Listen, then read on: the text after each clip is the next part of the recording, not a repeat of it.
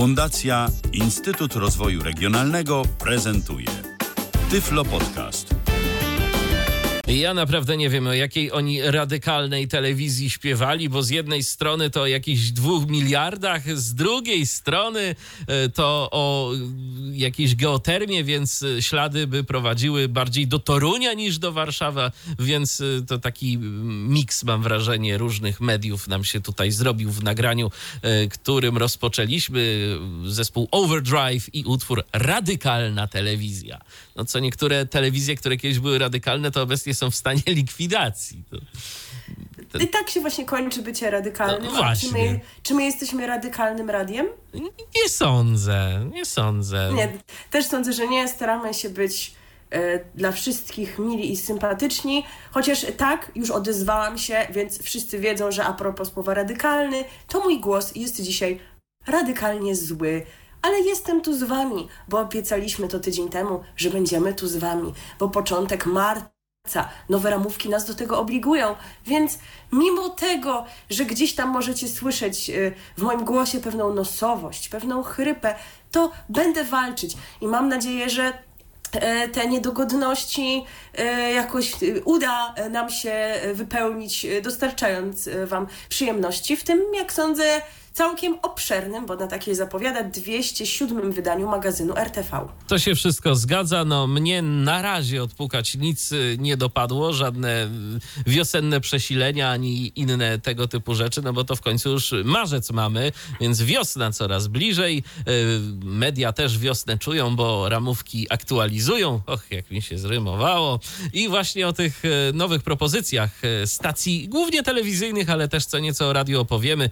Opowiemy powiemy Wam właśnie w dzisiejszym wydaniu programu RTV, na który to zapraszają Milena Wiśniewska.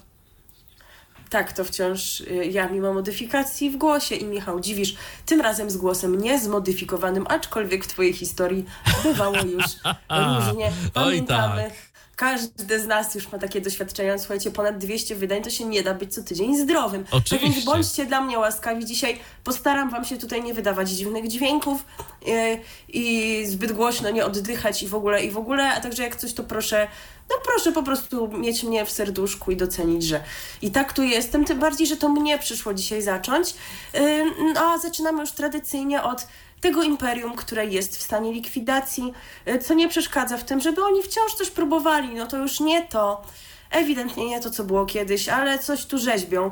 No ewidentnie właśnie nie to, jak rzekłam, no bo ty pewnie jeszcze pamiętasz, to nie są takie odległe czasy, one wciąż są właśnie w naszych sercach, że telewizyjna jedynka nadawała kiedyś od poniedziałku do soboty o 20.15 taki program jak Alarm. Oczywiście, że pamiętam. Pamiętam, że mówiliśmy o tym, kiedy tak. on startował w jakimś 2018 chyba roku. To już są nasze czasy, czasu magazy czasy magazynu RTV.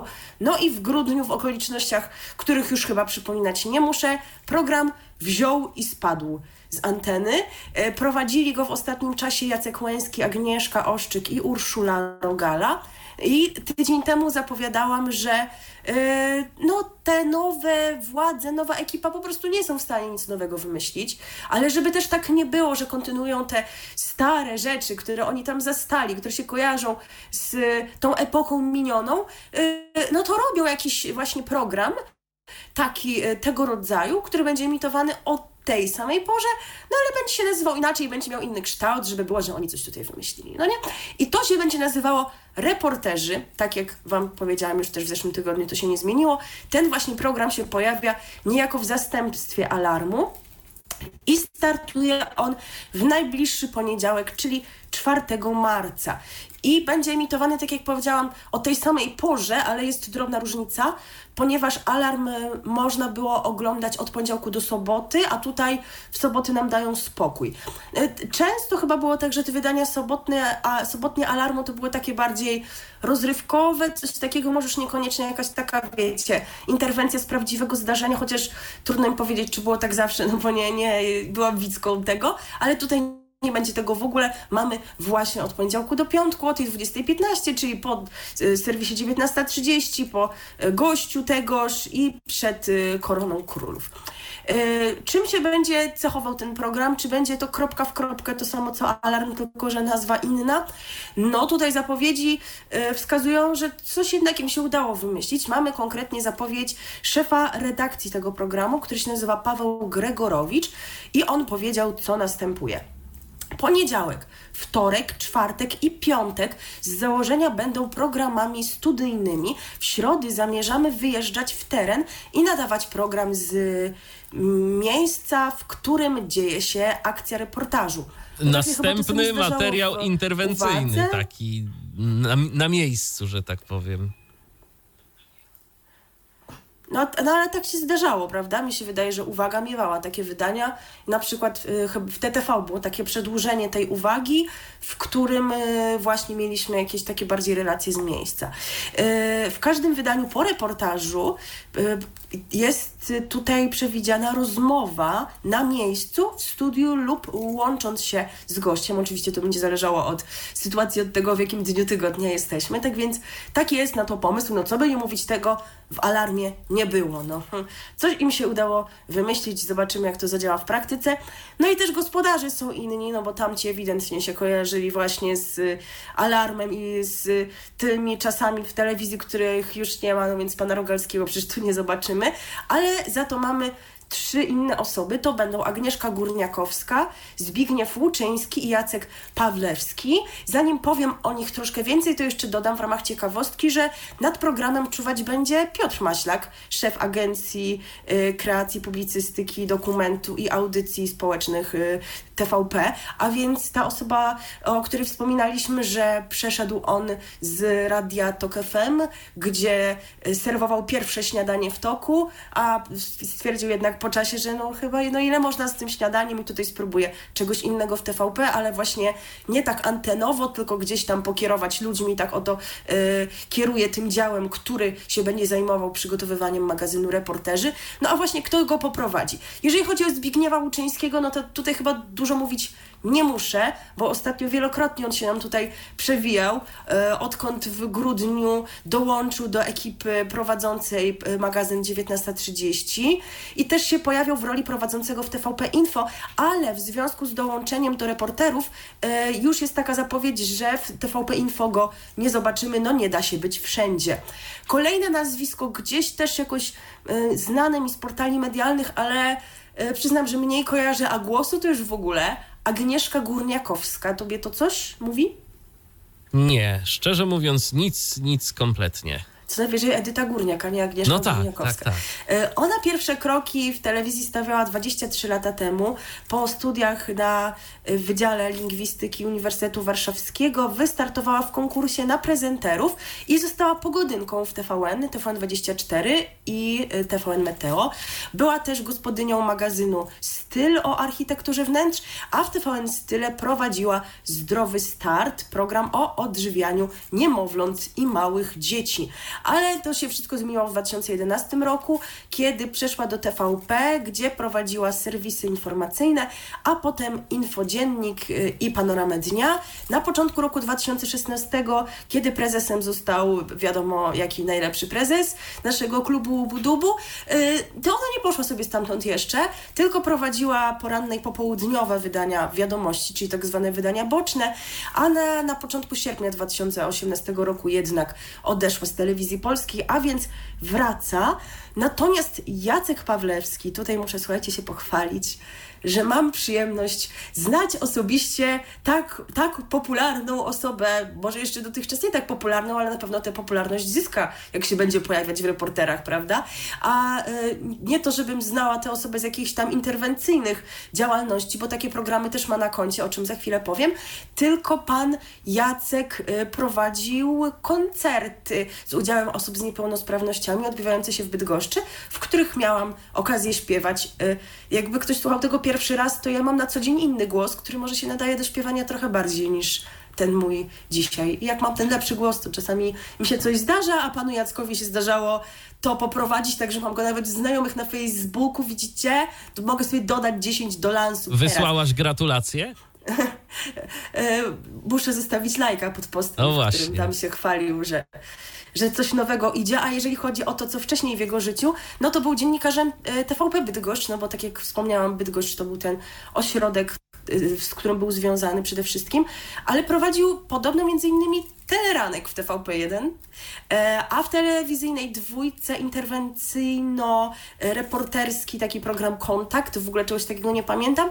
I też mu się zdarzało pojawiać w magazynie Ekspresu Reporterów, jakoś tak chyba zastępczo za pana Olszańskiego. A propos magazynu Ekspresu Reporterów, y, mówiliśmy jakiś czas temu, że on ma wrócić i to jest już potwierdzone, że tak, wraca, tak, z Michałem Olszańskim, ale do innego pasma niż to, do którego byliśmy przy, przyzwyczajeni, bo ja byłam przyzwyczajona do pasma e, wtorkowego w telewizyjnej dwójce, no potem tam oczywiście były inne godziny emisji w TVP3 i coraz późniejsze, a teraz to ma być, wyobraź sobie, w niedzielę nadawane o 22.20 zdaje się, po Sanatorium Miłości, jeszcze czy ja serialu, wiem, czy to jest dobra pora? Tym, ale nie za tydzień jeszcze ruszy, bo Sanatorium Miłości się zacznie za tydzień, o czym też przypomnę w kolejnym wydaniu magazynu RTV, a magazyn Ekspresu Reporterów tydzień później, czyli 17 marca.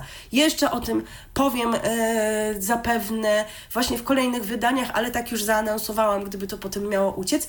No właśnie, tutaj Sanatorium, rozrywka, seniorzy, serial, a wy nam tutaj wyjedziecie z ciężkimi tematami polemizowałabym. Z drugiej strony wiem, jak to było w dwójce, no to było poem jak miłość, tak? No, no. To, to, też, no nigdy idealnie nie, nie ma. Ale, ale wiesz, jakoś... z drugiej strony to był środek tygodnia, więc jeszcze człowiek tak e, może sobie pooglądać jakieś takie cięższe rzeczy, a tu niedziela, odpoczywasz, a wrzucają Chill, ci takie tak, tematy. seniorzy, no. kuracjusze odcinka a tu buch, jakieś przekręty, sensacje, inne takie rzeczy. Także też jakoś tego nie kupuję, no ale tak jest.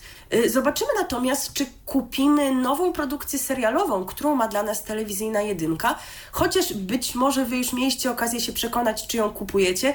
Y, jeżeli jesteście użytkownikami serwisu TVP VOD, y, Chociaż, no nie oszukujmy się, część znaczną naszych słuchaczy stanowią osoby niewidome i być użytkownikiem tego serwisu, będąc osobą niewidomą, no to jest zadanie e, momentami karkołomne nawet, dlatego też nie zdecydowaliśmy się powiedzieć Wam o tym serialu, który Wam zaraz Michał zapowie, kiedy on trafił do internetu, to było tydzień temu, bo wyszliśmy z założenia, że tak czy owak więcej osób e, będzie nim potencjalnie zainteresowanych, kiedy nadejdzie ta premiera telewizyjna, a ona nadejdzie już w najbliższy piątek. Tak, a mowa tu o serialu zatytułowanym Będziemy mieszkać razem, w liczącym sześć odcinków serialu poznajemy Basię i Tadeusza, granych przez e, Lenę Górę i Mikołaja Roznerskiego. Małżeństwo mieszka w ogromnym domu należącym do matki mężczyzny Magdy, w tej roli Aleksandra Konieczna.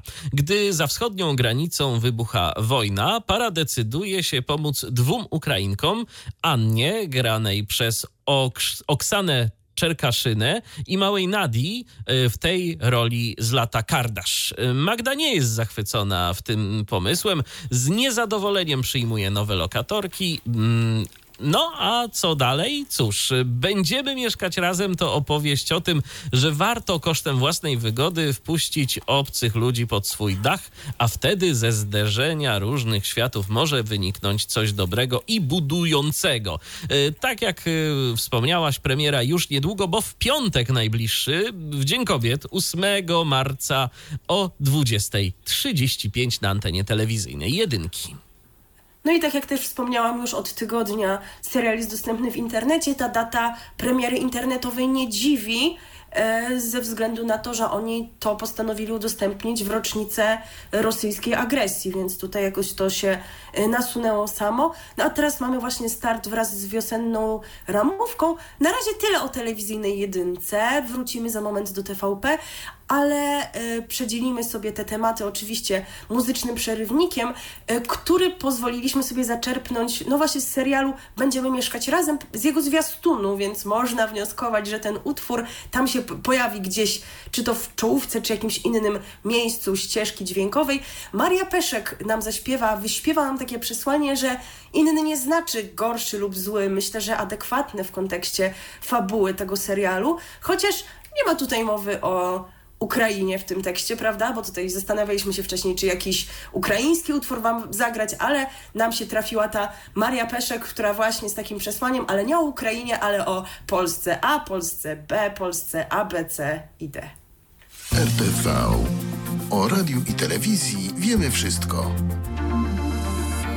Dawid do nas napisał, że nie może się doczekać omawiania ramówek telewizyjnych. No i Dawidzie, dziś tego akurat będzie pod dostatkiem. Tak. Mamy nadzieję, że u, uda nam się sprostać Twoim oczekiwaniom, e, a zgodnie z obietnicą teraz przenosimy się dalej do kolejnego działu w tym imperium, które się likwiduje.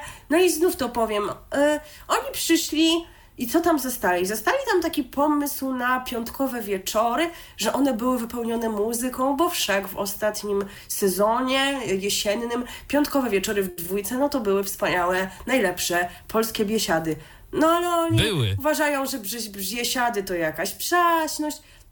No i wywalają to i mają na to jakiś swój pomysł. E, nazywają to tak niewinnie, prawda? Muzyka na dobry wieczór, słuchaj. Taki jest tytuł tego programu, który właśnie dwójka umieszcza w ramówce wiosennej i to będzie no coś zupełnie innego od widowisk pokroju polskich biesiad czy innych koncertów TVP z czasów minionych, dlatego że to będą, będą koncerty monograficzne, takie ładnie nazwano, czyli Michale, co idzie za tą nazwą? Że jednego artysty, tak? Tak, że jednego artysty spośród, jak to określono, największych gwiazd polskiej sceny muzycznej. Każdy wieczór to właśnie koncert zaprezentowany w całości jednego artysty. No i też się mówi o tym, że to jest powrót do takiej dawno niepraktykowanej w telewizji e, formy prezentowania twórczości wybitnych artystów, bo faktycznie no nie ma czegoś takiego u nas w ostatnich latach, prawda? Jak już to są koncerty, fes- koncerty festiwale, wakacyjna trasa dwójki, biesiady, coś tam, że mamy taką Wyjdzie jeden artysta, zaśpiewa przebojów. piosenkę, a potem następny, następny i następny. Tak, tamten może wróci i tak dalej. A tutaj mamy istotnie tę formę, jak to się ładnie ją nazywa, monograficzną. Artyści przypomnią swoje największe przeboje, ale też zaśpiewają najnowsze utwory.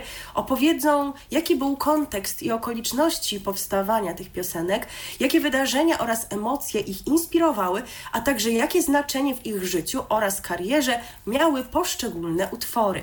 No i mamy już taką informację, kto się zaprezentuje w pierwszym odcinku tego cyklu i to nam już podpowiada sam tytuł, bowiem brzmi on Kaja na dobry wieczór. I też wiemy już nieco więcej o zawartości. Widzowie usłyszą największe przeboje artystki, opatrzone jej bardzo osobistym komentarzem. Koncert y, będzie także okazją do spotkania y, wykonawczyni z jej publicznością i fanami obecnymi na widowni. Usłyszymy utwory z różnych okresów muzycznej działalności wokalistki, y, takie innymi jak Supermenka, Trudno kochać, Testosteron, Prócz ciebie nic, czy Ramię w ramię, no ale na pewno to jest tylko, wiecie, e, początek tej listy, bo jeżeli chodzi o przeboje, no to Kaja ma co pokazać. E, Będzie to też, myślę, co warto odnotować, takie dosyć symboliczne wydarzenie, bo e, Kaja, jeżeli chodzi o telewizję polską i ostatnie lata, no to nie są to rzeczywistości, które nam się jakoś kojarzą, prawda? Bo od kilku dobrych lat artystki w telewizji polskiej nie było. Była w TVN-ie, była w Polsacie, w TVP nie. Przypomnijmy może genezę tego. To się zaczęło w 2017 roku y, i było jeszcze związane z jedną wykonawczynią, czyli z Marylą Rodowicz, która zapro- zaprosiła Kaję do udziału w koncercie z okazji 50-lecia jej obecności na scenie, który miał się odbyć podczas festiwalu w Opolu. Ale się odbył, natomiast no, trochę się tutaj pozmieniało, bo ówczesne władze TVP miały się nie zgodzić na obecność Kai, bo piosenkarka należała do krytyków władzy Prawa i Sprawiedliwości. W oświadczeniu ona się do tego odniosła, poinformowała, że to ona zdecydowała, że nie wystąpi na festiwalu TVP. Po całej sytuacji kolejne osoby rezygnowały z występów w Opolu i ostatecznie w roku 2017 festiwal Odbył się co prawda, ale nie zgodnie z tradycją w czerwcu, ale kilka miesięcy później we wrześniu, ale to miało jedną zaletę, wiesz jaką? Był pan Janek, dużo pana Janka było, zdaje się. I pan, Też, i pan Rychu był. Ale jeszcze jedną, No, bo my mieliśmy okazję dzięki temu o tym opowiedzieć. Tak, bo my naszym wtedy dwa. Tak, bo my zaczynaliśmy wtedy. Słuchajcie, to, to już tyle lat, cytując klasyków. Tak. Y, Siedem lat y, w tym roku RTV będzie obchodzić. Chłopanie, O, siedem tłustych lat. tak E, jest. Także tyle, tyle się wydarzyło. Więc to będzie pierwszy wieczór, tak w sam raz na Dzień Kobiet, ale wiemy już też coś więcej o kolejnych planach na kolejne tygodnie. Jeżeli chodzi o artystów, którzy tutaj jeszcze przyjęli zaproszenie, to wiem, że to są m.in. Lady Punk, Phil, Various Monks, zespół Ira, Kombi przez 2i, Ewa Farna, Anna Wyszkoni, Kasia Kowalska czy Małgorzata Ostrowska. Co sądzisz o tym składzie? No skład jest całkiem interesujący.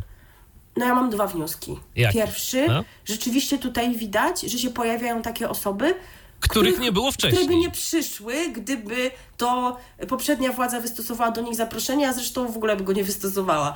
Typu Małgorzata Ostrowska. W TVP się pojawia Lombard z tą nową wokalistką, ale Ostrowska chodzi do TVN-u i tam śpiewa w Sopocie zresztą cały czas świetnie, ale w TVP to się już nie pojawiała.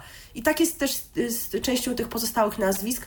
Ale po drugie, y, ja rozumiem, że telewizję to najczęściej oglądają osoby troszkę może starsze, nie 15-20-letnie, ale mimo wszystko TVN może na swoje wydarzenia zapraszać jakichś artystów y, właśnie trochę tego młodszego pokolenia. No A ten skład jest taki Farna. bardzo retro.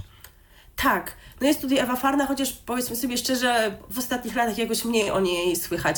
Ale właśnie, okej, rozumiem też, że trudno by było pozyskać od razu takie nazwiska typu Sanach czy Dawid Podsiadło, ale no może to nie jest mój ulubiony wokalista, ale akurat mi się jakoś skojarzył Vito Bambino, czy ludzie tego pokroju. Wiesz o co chodzi? Właśnie ludzie, na których jest teraz szał i którzy występują na tych wszystkich TVN-owskich imprezach, więc wydaje mi się, że byłoby fajnie, gdyby telewizja polska spróbowała tutaj troszkę nadgonić i jednak do tych artystów też się skierować, a nie, że będziemy właśnie w koło przez następne 40 lat międlić te same przyboje.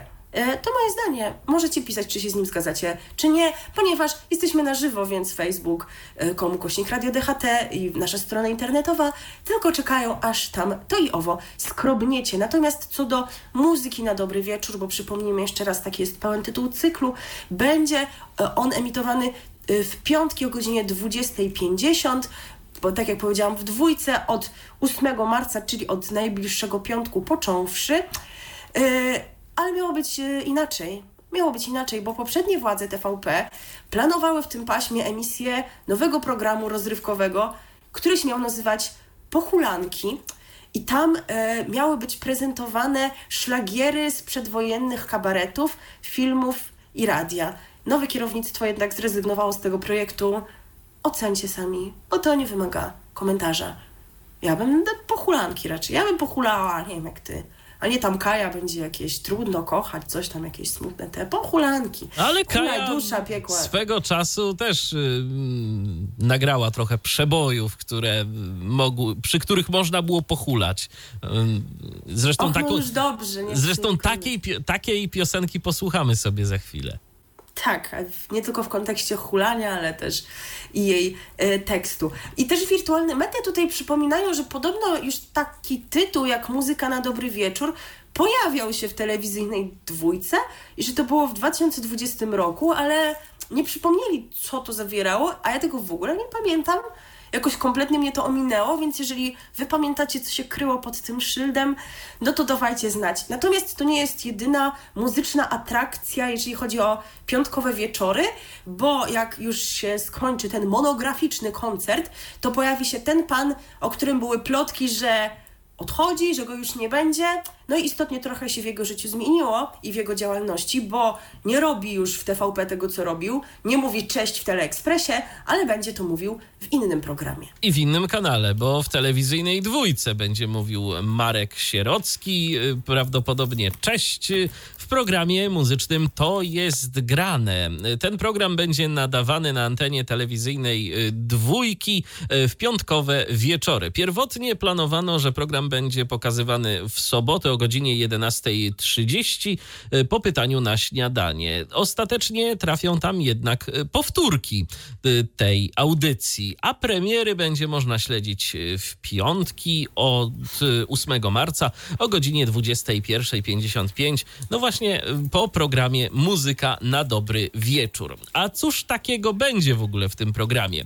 Otóż w to jest grane znajdzie się przegląd list przebojów polskich i zagranicznych. E, do każdego odcinka zapraszany będzie gość, e, będzie to artysta lub zespół, który wydał płytę. E, zostaną także przypomniane przeboje sprzed lat ze szczególnym uwzględnieniem piosenek nagrywanych przez polskich wykonawców w studiach, na koncertach lub festiwalach telewizji polskiej. No więc taki opis w sumie dosyć ciekawy. Mam takie trochę wrażenie, że można by to porównać do takiego rozszerzonego telehitu, bo tu będą też y, artyści, którzy ostatnio coś nowego wydali, a no, o tym y, Marek Sierocki przecież przez lata też y, mówił. A jak to wszystko będzie wyglądało, no to się okaże już za niecały tydzień. Chciałam być złośliwą osobą i na Twoje pytanie, co się będzie tam działo, odpowiedzieć, no to co zawsze u Marka Sierockiego w tych wszystkich programach typu hity wszechczasów. No ale właśnie nie tak, bo tutaj będą nowości, więc to takie połączenie no właśnie. tego telehitu, o którym powiedziałeś, też z tym, w czym on się czuje świetnie, czyli w jakimś tam y, odgrzebywaniu starszych rzeczy. Także no no, dali mu zrobić to, co umie najlepiej, natomiast nie dali mu prowadzić szansy na sukces, tak jak mówiliśmy. Ją będzie prowadził Artur Orzech, yy, przy czym na start musimy trochę poczekać. 17 marca ma yy, wystartować nowy sezon tego programu, także w połowie yy, marca, ta niedziela, to będzie ten czas, więc też o tym przypomnimy, jak sądzę, w odpowiednim momencie. Teraz tylko daję znać. Była jedynka, była dwójka, a teraz y, jeszcze zajrzymy do kanału, w którym ostatnio spędziliśmy sporo czasu, czyli do TVP Info, dlatego że oni tutaj mają dla nas no nie tyle nowość, ile powrót, chociaż jeżeli ktoś tak jak ja nie był wiernym widzem tego kanału, no to rzeczywiście może potraktować to jako coś nowego, bo ja nie pamiętam takiego programu jak Bez Retuszu, a ty coś kiedyś widziałeś? Nazwę kojarzę, ale żebym jakoś y, wiedział o co w tym programie chodzi, to nie. Wiecie, no nie żeby ten format był czymś innowacyjnym, o czym się zaraz przekonacie, no ale jak pan Marek Czyż który tutaj za to wszystko będzie odpowiedzialny, wrócił do TVP, no to stwierdził, że trzeba wrócić właśnie do tego formatu, e, w którym on działał przed laty. Program publicystyczny bez retuszu wraca do TVP Info i poprowadzi go, tak jak właśnie powiedziałam, Marek Czyż, który miał okazję czynić to wcześniej. Program pojawi się ponownie na antenie TVP Info już w najbliższą niedzielę, czyli 3 marca o godzinie 20.40 i ma być emitowany właśnie co tydzień, co nas też nie zaskakuje. A jak tu w ogóle właśnie z historią? Kiedy to można było? Można było ten program oglądać od maja 2015 roku do września roku 2018, więc się jeszcze załapał na te czasy pisowskie ale ze zmianami, o czym zaraz.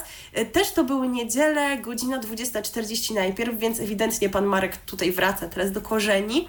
Natomiast w lipcu 2016 roku Marek e, Czyż e, odszedł z TVP i jego miejsce zajął wspaniały, najlepszy, wcale nie krzywdził nigdy żadnych kobiet, tak naprawdę to nie Michał Adamczyk, który został e, głównym prowadzącym e, właśnie bez retuszu.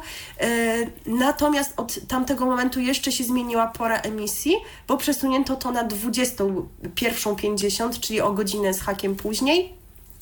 Ale tak sobie było przez kilka miesięcy, bo od 2019 roku w tym paśmie zaczęto pokazywać wspaniałą, tęsknię za nią bardzo, strefę starcia, którą również prowadził Michał Adamczyk, ale jak się mówi to Senevrati, e, więc trzeba się skupić na tym, co jest na programie bez retuszu, który ma zachować dawną formułę, a więc prowadzący będzie rozmawiał z politykami lub ekspertami o aktualnych wydarzeniach społecznych i politycznych.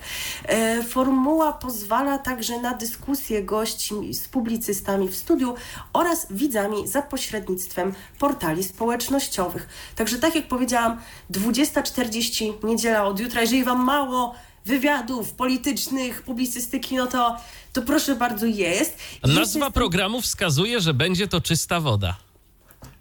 A nie zupa. No. Tak. no. Mamy nadzieję. E, natomiast jeszcze jestem Wam winna uzupełnienie w kontekście TVP Info, bo tydzień temu zapowiadałam e, nowości na antenie tej stacji. Mówiłam, kiedy one będą nadawane. No i właśnie taka jest profesjonalna ta nowa ekipa, że oni po tygodniu już zdecydowali się na zmiany, jakby od razu tego nie mogli dobrze zaplanować, prawda? A oni po tygodniu i tak stwierdzili, nie, układamy to w ramówce inaczej. I program 100 pytań do. Ja Wam mówiłam, że on będzie w niedzielę o 17.30, co dwa tygodnie wymiennie z Młodzież Kontra. Otóż nie, bo 100 pytań do będzie w soboty o 20. Bo tak, bo dlaczego nie? Dzięki czemu program Młodzież Kontra będzie co tydzień, jak Pan Bóg przykazał, w niedzielę o godzinie 17.30 to się nie zmienia. E, taka sytuacja, tak jest, musicie z tym żyć. No i niestety musimy też z tym żyć, że kiedyś w TVP to były lepsze gwiazdy, prawda? Adrian Borecki na przykład. Wspaniała gwiazda, e, waleczny, walczył do końca. Teraz walczy w telewizji Republika i na szczęście walczy na coraz większej liczbie frontów, bo można go tam oglądać w jeszcze większej ilości, e, bo w ramówce telewizji Republika pojawił się e, nowy wieczorny program publicystyczny, który się nazywa Republika Wieczór i to jest hashtag. Krzyżyk Republika, wieczór jako jedno słowo pisane, bo oni są nowocześni po prostu. Oni w ogóle bardzo często, mam wrażenie, używają tych różnych y, hashtagów, też przecież jedziemy, tak, to, to, to też jest, zdaje się, z y, krzyżykiem, więc oni, oni wiedzą, że na tym X-ie to tam mają największe grono swoich fanów. Y, Ja jeszcze jestem na X-ie, czy to znaczy, że zaliczasz mnie do fanów tej telewizji? No, No, przecież, no, no, no nostalgia. No No, i tak właśnie. jak powiedziałam, Adrian Borecki tutaj w roli gospodarza, a niegdyś y, pracownik, żeby nie rzec dziennikarz, bo nie wiem, czy to słowo to adekwatne, y, TVP. Cykl Republika Wieczór będzie emitowany w telewizji Republika, bo gdzieżby, codziennie o godzinie 22.30 ma być publicystycznym podsumowaniem mijającego dnia, e, jak zapowiada prowadzący w zwiastunie, bez ściemy i bez obwijania w bawełnę. Także sobie wybierzcie. W TVP bez retuszu, a tutaj bez ściemy i bez owijania w bawełnę. On taki młodzieżowy jest, taki hej przekonuje. do przodu, yo. Tak, tak. E, jeszcze dodam, że to jest kolejna zmiana w wieczornym paśmie Telewizji Republika.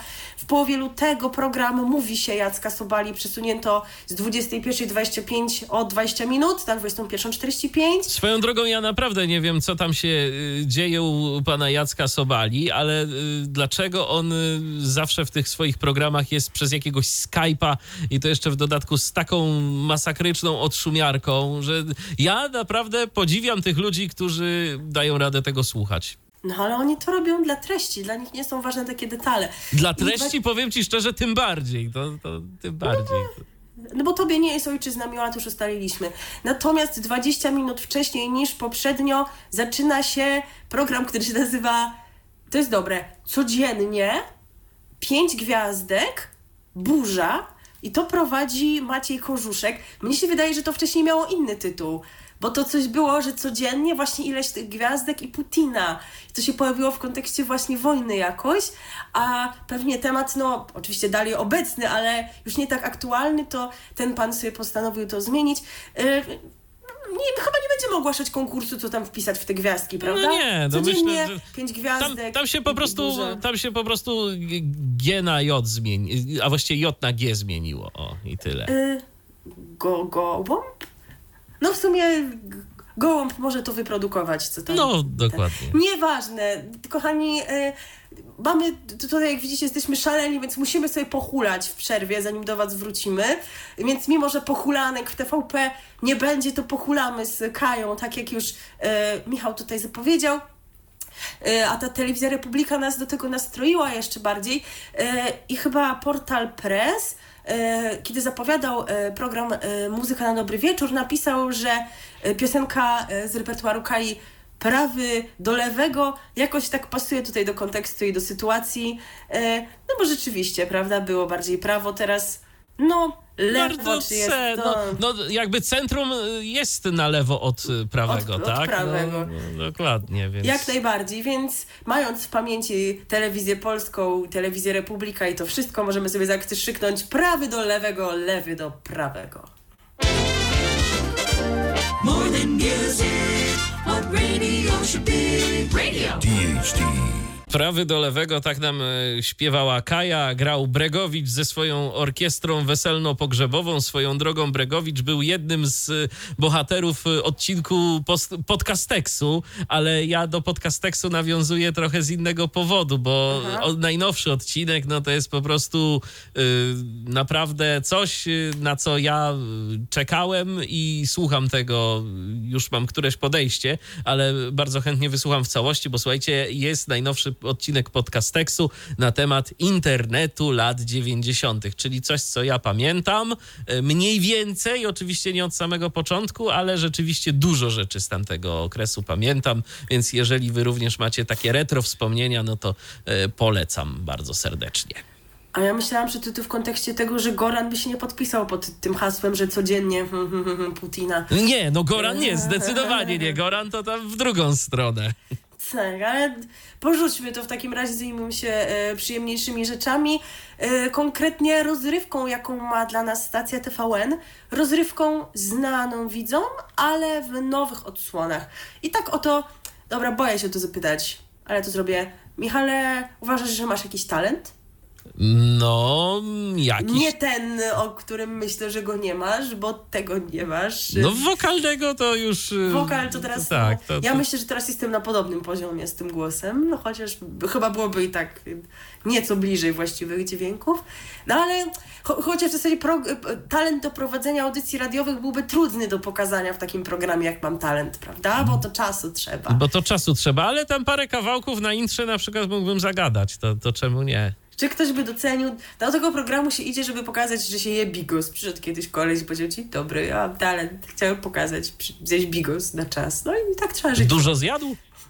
Nie pamiętam, dawno to było. Zobaczymy, jakie nowe talenty nam pokażą uczestnicy najnowszej edycji programu, który wraca, co trochę nietypowy, do ramówki wiosennej, bo nas przyzwyczajono do tego, że od e, 2008 roku, czyli od debiutu tego programu, można go było oglądać w jesiennej ramówce.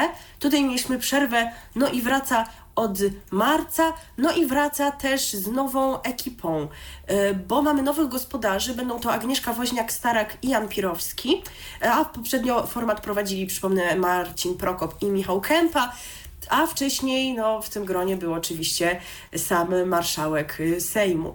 Y, Natomiast to nie koniec zmian, bo w 15 edycji show pojawią się też nowi jurorzy, którymi będą wspomniany już Marcin Prokop.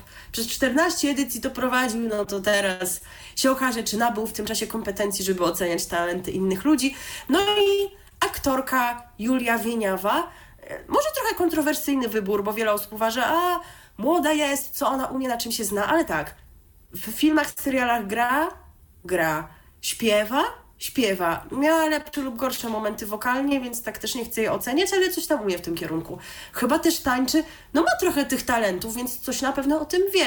Tak więc, no myślę, że lepsza taka osoba niż e, taka, która nie legitymuje się żadną taką konkretną działalnością, no bo co, Marcin Prokop ma talent do prowadzenia programów. No i czy zna się na śpiewie, na tańcu?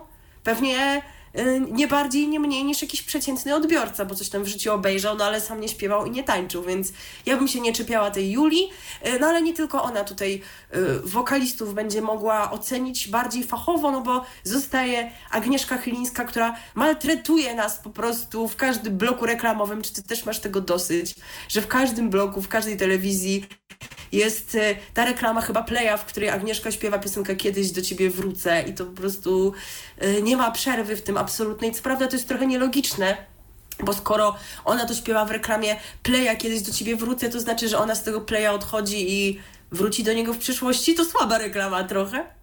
No ktoś No, widocznie ale- nie przemyślał, natomiast nie, mnie to aż tak bardzo nie irytuje, może dlatego, że staram się jakoś... Yy, Tyfan 24 poglądaj, Boże. Wiesz co, no, ale jakoś, jakoś po prostu nie, nie oglądam za, za bardzo telewizji, sz- szczególnie linearnie. Ostatnimi czasy, jeżeli chcę coś obejrzeć, to po prostu no, korzystam bardziej z y, tych rzeczy, które są na VOD i, i tyle. Więc te reklamy mnie aż tak bardzo nie atakują. No oczywiście tutaj też będzie taka możliwość, bo mam talent, jak inne produkcje TVN-u też trafią do e, playera. E, tak więc mamy skład jurorski, w związku z tym żegnamy się z specjalistką od wszystkiego, wiecznie wzruszoną i zachwyconą aktorką, która nie wiem w czym ostatnio zagrała, czyli Małgorzatą Foremniak e, i z Janem Klimentem, specjalistą od tańca. Dzisiaj po godzinie 20 start tej właśnie nowej odsłony. A co jutro? E, jakby, jak Ciebie zapytałam, e, w jakim kierunku masz talent, to to absolutnie by Ci nie przyszło do głowy, żeby wymienić gotowanie, prawda? Bo Nie, nie, zdecydo- nie, jest zdecydowanie nie, zdecydowanie nie. A słuchaj, tyle młodsze od nas osoby biją nas na głowę. Bo tak, gotowali już dorośli, przywykliśmy. Y, Gotowały już dzieci. No okej, nie chcę się rozpoczynać dyskusji na temat y, etyczność programów z udziałem dzieci, bo byśmy jej nie skończyli przez godzinę, no ale był program Masterchef Junior. Y, To co teraz? Masterchef Senior czy co? No nie, jeszcze tego nie wymyślili.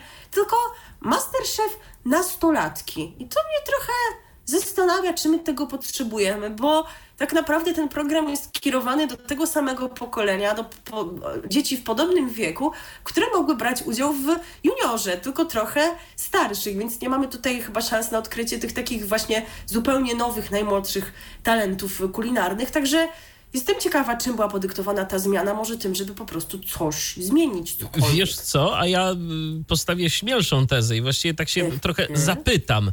Y, Czy wydaje ci się, że rzeczywiście program, w którym gotują nastolatki, będą oglądać nastolatki? Czy to dla nastolatków będzie atrakcyjne? No matko, ale kto ogląda Voice Kids? No wszystkie zachwycone ciocie, babcie, które no płaczą się wzruszają. To nie są programy dla dzieci. W ogóle o tym nie mówię, tylko właśnie mnie zastanowiło, czemu zamiast kolejnej edycji Juniora, Masterchefa Juniora, bo to mieliśmy zawsze w ramówkach wiosennych, mamy właśnie taką odsłonę. Piszcie swoje hipotezy, jeżeli jeszcze jakieś macie. No ale nie zmieniła się tylko nazwa, też troszeczkę więcej. E, Jeżeli chodzi o nastolatki w jakim wieku, no to od 13 do 17 lat. Takie są ograniczenia, także Michale, sorry, ale dawno już jesteśmy out. No, Yy, No i ich wysiłki Raczej. oceniają jurorzy. Być może Michel Moron będzie kazał oddać fartucha, także standard. Tomasz Jak- Jakubiak, już jakiś czas związany z TVN-em i z ich kulinarnymi produkcjami. I Dorota Szelongowska. Nie wiem dlaczego. Robiła totalne remonty, teraz zrobi totalne oceny totalnych potraw. Nie wiem, czemu akurat ona się ma na tym znać, ale okej, bo, bo tak, bo trzeba było znaleźć dla niej miejsce w TVN-ie. Natomiast y, y, jeżeli chodzi o Masterchefa, to on nigdy nie miał jako takiego gospodarza, o ile się nie mylę. Tam był lektor, który sobie coś mówił, zapowiadał, było dużo komentarzy oczywiście od jurorów i tutaj też nie będziemy mieć może gospodarza w takim typowym znaczeniu, ale zawodnicy mogą liczyć na wsparcie ze strony blogera kulinarnego, który się nazywa Michał Korkosz i występuje w sieci pod taką ksywą rozkoszny. Nie wiem, czy się kiedyś natknąłeś na, takie, na taką personę. Nie. To nie są moje obszary internetu też. moje też nie. Chociaż chyba Mietczyński coś kiedyś albo recenzował jakąś jego książkę, albo się przymierzał do tego, żeby ją recenzować i chyba tylko, tylko tam. E, influencer, pośred, influencer pośredniczy między środowiskiem zawodników i mediami społecznościowymi, tworząc internetowe relacje z backstage'u. W pierwszych dwóch odcinkach, tak jak to tradycyjnie jest chyba we wszystkich Masterchefach, e, jurorzy spośród kilkudziesięciu chętnych wybierają najlepszą czternastkę zawodników, gościnnie wspieranych przez y, Martynę Wojciechowską. Podróż, podróżniczka rozmawia z kandydatami i opowiada o projekcie Młode Głowy, otwarcie o zdrowiu psychicznym. W pierwszej edycji show pojawiają się także Ewa Chodakowska, y, promująca wprowadzanie zdrowych nawyków do codziennego życia, finalistka 12 edycji Top Model, czyli niejaka Sofia, być może ktoś pamięta, bo ktoś oglądał, mistrz pizzy też się pojawi prosto chyba z Włoch, skoro się nazywa Valerio Valle i Przemysław Klima, właściciel restauracji Botti Geliria, Botti Geliria, czy jakoś tak, 1881. Y, To jest ważna restauracja i ważna nazwa, no bo nie każdy lokal, umówmy się, ma dwie gwiazdki Michelin.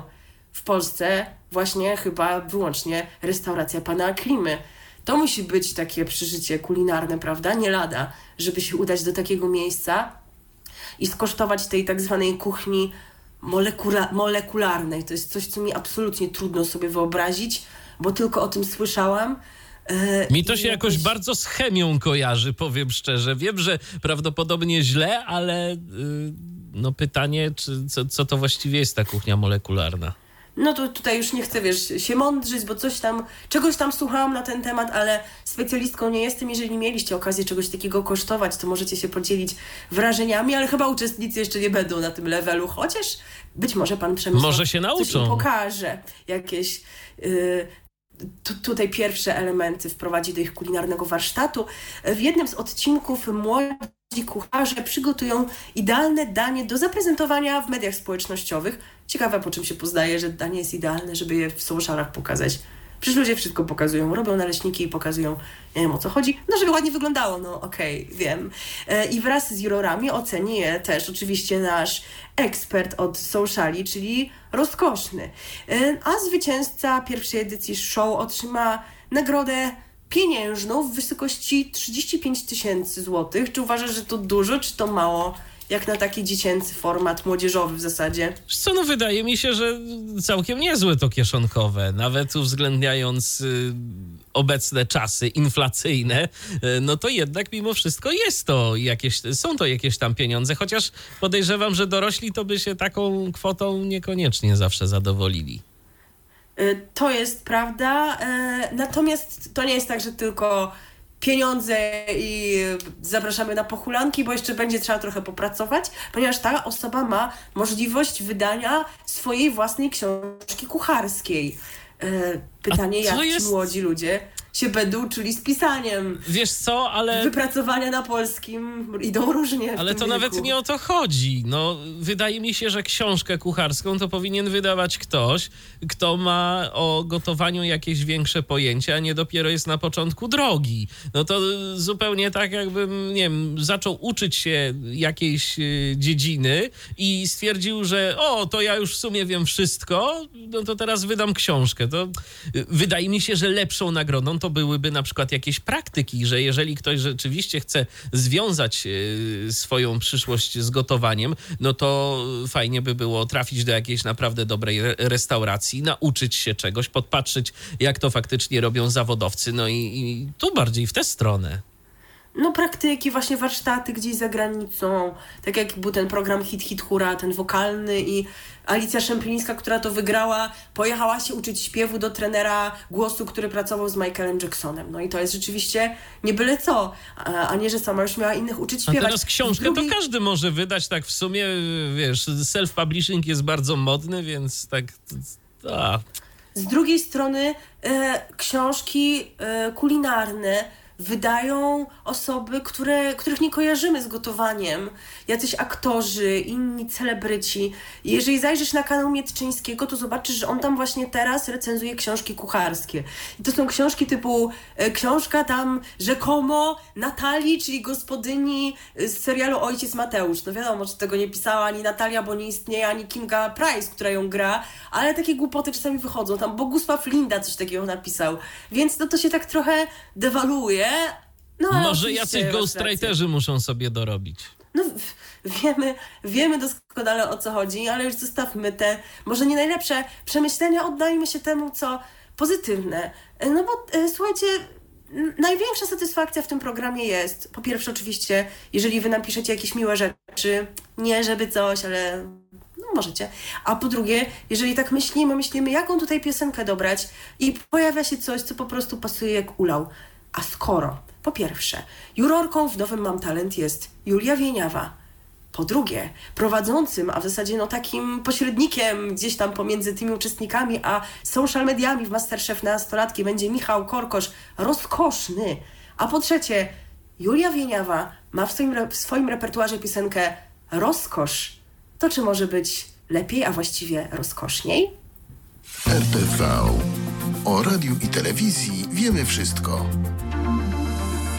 Cały czas słuchacie programu RTV na antenie Radia DHT, później do odsłuchania, co prawda bez warstwy muzycznej, ale jednak e, w Tyflo Podcaście, pierwszym polskim podcaście dla osób niewidomych i niedowidzących. Mm, Jesteśmy na żywo w Radiu DHT, więc możecie do nas pisać i z tej okazji skorzystał Dawid ponownie i Dawid do nas napisał tak. Widziałem na profilu serialu na sygnale wczoraj taką informację, że na sygnale ma być emitowany cztery razy w tygodniu. No cóż, no myślę, że fani się ucieszą.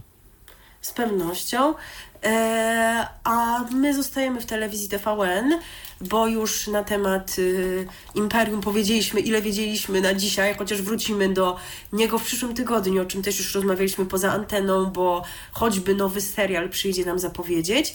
Ale teraz nie o nowościach y, przez moment, a o pewnych y, ubarwieniach, jakie ma dla nas stacja TVN, jeżeli chodzi o to, co świetnie znamy, czyli o ich poranne show Dzień Dobry TVN, które sobie jest tak jak było, ale mówimy o tym dlatego, że wiosną pojawią się w tym programie nowe cykle i tak oto jeden z nich to W pogodzie u Ciebie i w nim prezenter pogody Bartek Jędrzejak odwiedzi widzów w ich ulubionych miejscach spacerów czy odpoczynku.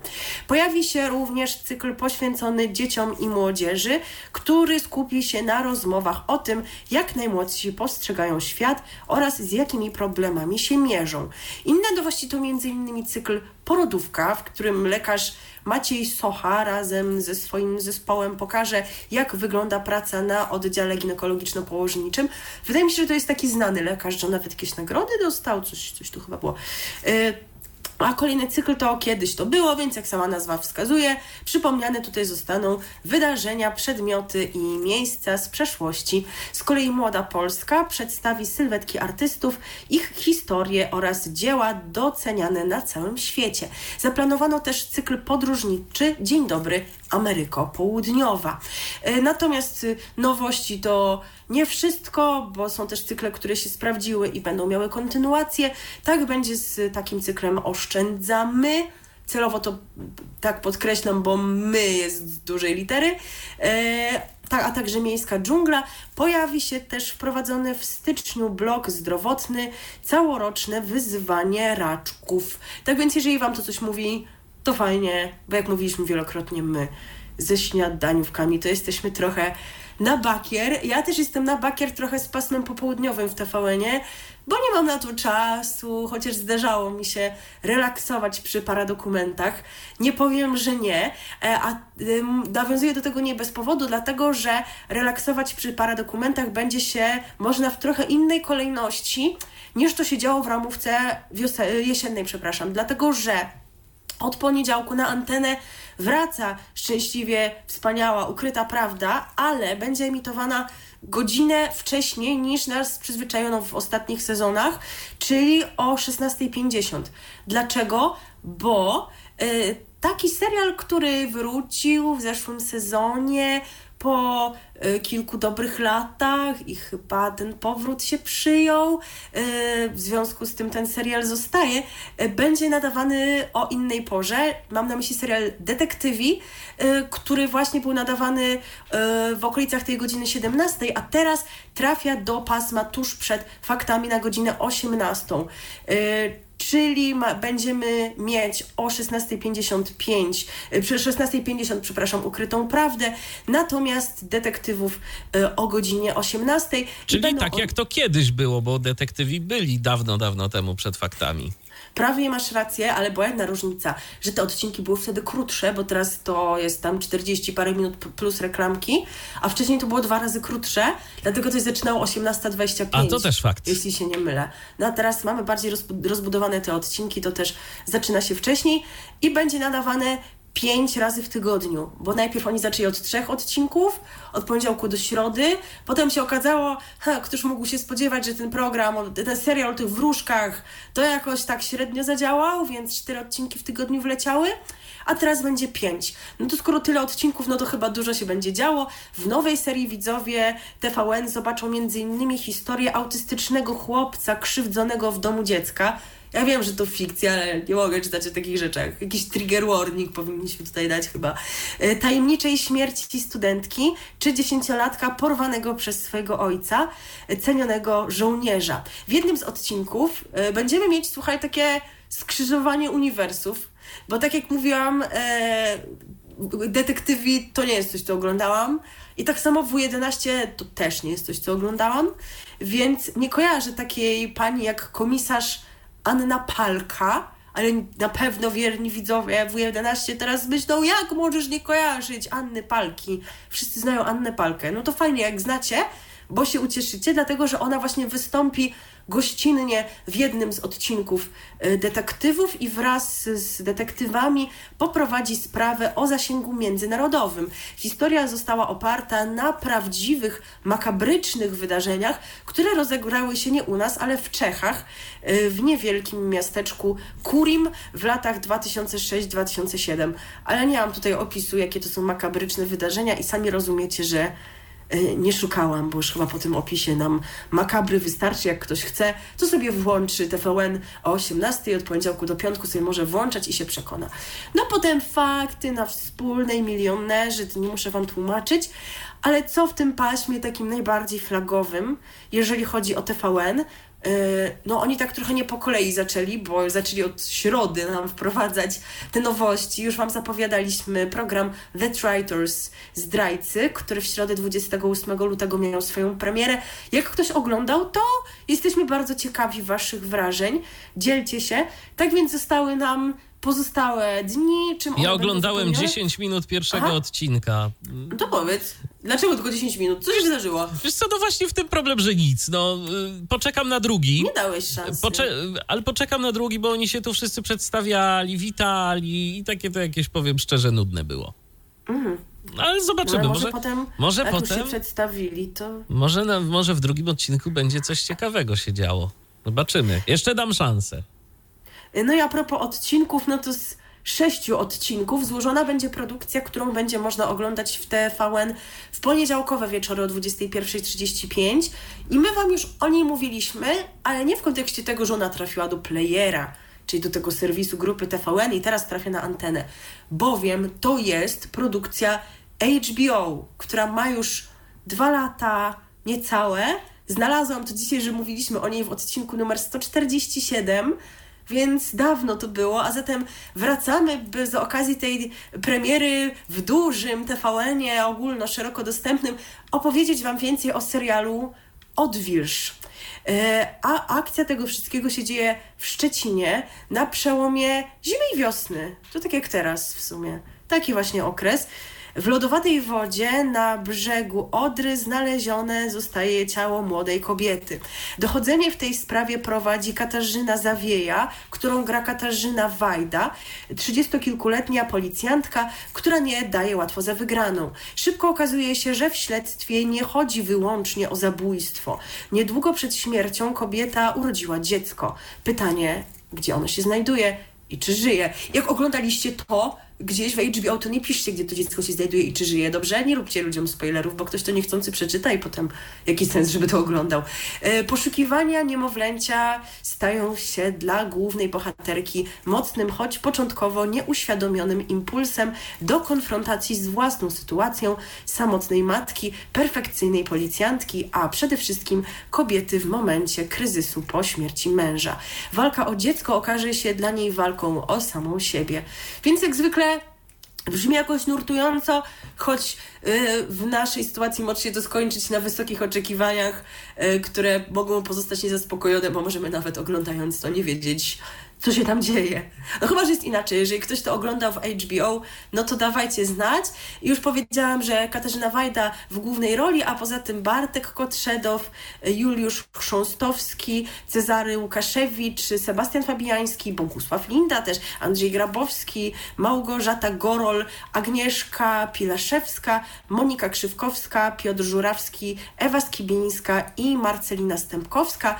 Serial wyreżyserował natomiast Ksawery Żuławski Wydaje mi się, że to znane nazwisko, dlatego warto je tutaj podać. I tak jak powiedziałam, z sześciu odcinków się produkcja składa i ma prawie dwa lata ale komu to przeszkadza? 1 kwietnia 2022 roku mieliśmy premierę w HBO, no a na antenie telewizji TVN będzie można Odwilż oglądać co poniedziałek o godzinie, do godziny 21.35 właśnie od najbliższego poniedziałku 4 marca. E, to jeszcze nie jest koniec tego wejścia, ponieważ wybaczcie, nie znaleźliśmy mrocznej piosenki, która by pasowała do Odwilży. Nie byliśmy chyba na to e, gotowi, a nawet to, że akcja dzieje się w Szczecinie nie byłoby jakimś tropem, no bo czymże tutaj jakaś niewinna pioseneczka o Szczecinie by była wobec tej całej akcji. No właśnie. Dlatego wybaczcie, przeniesiemy się do innego zupełnie klimatu, który nam zapewnią wtorkowe wieczory, bo tutaj będzie rozrywkowo. Nie da się ukryć, bowiem jak głosi podtytuł programu, o którym mowa, czas na show, a główny tytuł to Drag Me Out.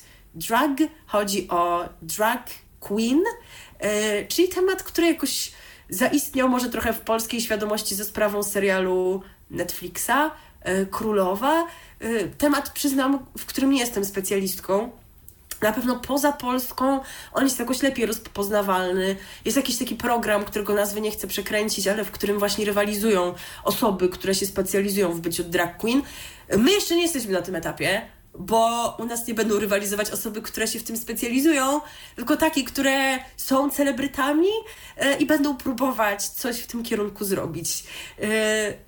No bo, no bo tak musi być. No, dla polskiego widza może by nie było to ciekawe, jak to rzeczywiście profesjonalnie się robi, prawda? Lepiej popatrzeć, jak się tam celebryty wydurniają. Ale to też nie jest tak, że nie będzie osób e, zajmujących się tym na co dzień. Formuła show zakłada, że celebryci łączą się w pary z mentorkami, by rywalizować o stworzenie najlepszych e, transformacji i występów scenicznych.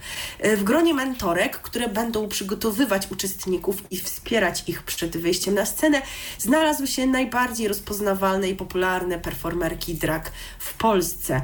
Y, No y, i to nie będzie tak, że oni tylko będą występować dla występowania, koniec, bo będą jeszcze poddawani ocenie y, jury, które się będzie składało z trzech osób i jego przewodniczącym został Andrzej Seweryn. Myślicie, co on ma z tym wspólnego? Przecież to aktor. Y, zagrał główną rolę w serialu Królowa, y, w którym właśnie wcielał się w osobę będącą drag queen, więc zna się, okej? I ma- Jest największym ekspertem. Tak, i miał bardzo dobre recenzje właśnie z tym związane, więc tym bardziej widać, że się zna. Y, Wiesz, ja tak trochę ironicznie, bo jak za chwilę powiem, poza tym w składzie mamy Michała Szpaka, chyba dlatego, że jest kojarzony z jako takim klimatem, wiecie, wspierania osób LGBT, jakiegoś charakterystycznego wizerunku, jako takiej queerowości. I Anna Mucha, bo tak. Bo No tutaj to już, tutaj to już nie wiadomo o co Bo chodzi. oprócz tego, że ona gra w wielu rzeczach, to w byciu jurorką też się można powiedzieć, że specjalizuje. No i dlatego taka trochę moja ironia, że szkoda, że za tym stołem jurorskim nie znalazło się ani jedno miejsce dla osoby, która naprawdę to robi na co dzień, a największym ekspertem jest ten, który po prostu zagrał taką osobę w serialu. No, jednak trochę tego. Natomiast poprowadzi to wszystko też e, kolorowa, e, na co dzień spełniająca się jako wokalistka tutaj właśnie w nowej roli. Chociaż nie w nowej, bo chyba jakiś Sopot festiwal współprowadziła TVN-owski, coś było takiego. Mary z Polski. E, A kto tutaj się zaprezentuje w roli uczestników? Jak szukałam informacji na ten temat, to znalazłam taki komentarz na chyba pudelku, że jeżeli chodzi o skład, to tutaj się budżet wyczerpał na jurorach i na gospodarzach, bo to są najbardziej rozpoznawalne nazwiska, a my byśmy się największych nazwisk spodziewali wśród uczestników, a jeżeli chodzi o to, to jest e, tylko gorzej, bo tak naprawdę super rozpoznawalne jest tylko pierwsze nazwisko, czyli Tomasz Karolak. no to nie musimy przedstawiać, no nie? E, Następny pan to Marcin Łopucki, który jest znany z tego, że jest kulturystą oraz z tego, że jest mężem Katarzyny Skrzyneckiej. I kolejna osoba to Tadeusz Mikołajczak, y, to uczestnik ostatniego Top Model. On tam się dostał przez ten złoty bilet czy srebrny bilet. Nie odróżniam tego, ale może kojarzycie. I tutaj y, zbieżność nazwisk, nic o tym nie wiem, żeby była jakaś nieprzypadkowa. Y, ale Mikołajczak to jest takie nazwisko, że trochę ludzi się tak nazywa. Tak więc Tadeusz Mikołajczak to ten stop model, a Michał Mikołajczak to aktor zna wspólnej. I kolejna postać to Ad- y, Dariusz Zdrójkowski. Y, Jest znany z tego, że jest ojcem Adama Zdrójkowskiego. czyli tego młodego aktora, słuchajcie, może on coś jeszcze w życiu zrobił, ale przede wszystkim to w tym kontekście się No o tak, nim pisze. tak. E, I Kamil Szymczak to jest influencer. No także rozumiecie, no nie jest to No jakiś top budżet nie top. był duży. Pytanie, No, jakie są... Seweryn zgarnął cały No hajs. już właśnie. koniec. Pytanie, jakie są oczekiwania po oglądalności? Czy też nieduże? Y, No, zobaczymy, ile osób będzie włączało TVN we wtorki o godzinie 21.35, począwszy właśnie od najbliższego wtorku 6 marca. Y, No i to jest tyle, co chcę powiedzieć, jeżeli, chodzi o TVN, no bo w środę mamy The Traitors, w czwartki wiadomo kto, ona, ona zada to pytanie co zawsze, E, a w piątki no to TVN nie stawia na jakieś premiery, bo stawia na pasmo filmowe. E, I ale to też nie jest tak, że to jest koniec w ogóle wszystkiego, co TVN ma na tę wiosnę, bo jeszcze jest szykowany program z Małgorzatą Rozenek-Majdan. Pokonaj mnie, jeśli potrafisz, czy coś takiego, ale on się nie znalazł w ramówce na marzec tylko chyba dopiero na kwiecień. Dlatego, no przynajmniej mamy jeden temat mniej na teraz, a będziemy mieć Wam o czym mówić za jakiś miesiąc. E, jeszcze nawiązując pokrótce do e, kanałów należących do grupy TVN, to muszę powiedzieć, że w nich się dzieje trochę mniej niż nas do tego przyzwyczajono, bo był taki moment, że stacja TVN7 się bardzo mocno rozkręciła, prawda? Tam się sporo działo, a teraz jakoś tak to przygasło, stwierdzili, że im się trochę mniej opłaca inwestować, yy, zrezygnowali z tych własnych seriali, nie ma żadnej nowości, jest tylko Hotel Paradise, który sobie wraca od najbliższego poniedziałku. Ten sezon był kręcony w Wietnamie i jest jedna różnica względem poprzednich yy, edycji, bardzo myślę istotna, taka, że nie będzie czegoś takiego jak powroty uczestników, którzy już byli i potem jest decyzja, żeby jednak wrócili. I myślę, że dobrze, bo w tych programach typu Love Island na przykład, innych randkowych nie ma takich powrotów. No i okej, święty spokój. A tak, tutaj zawsze było do końca edycji zastanawianie się, czy ta osoba wróci, czy nie wróci, jak to wpłynie, jak ona wróci, jak zareaguje na to, co zastanie, jak wróci. A tak już wiadomo, że nikt nie wróci i do widzenia.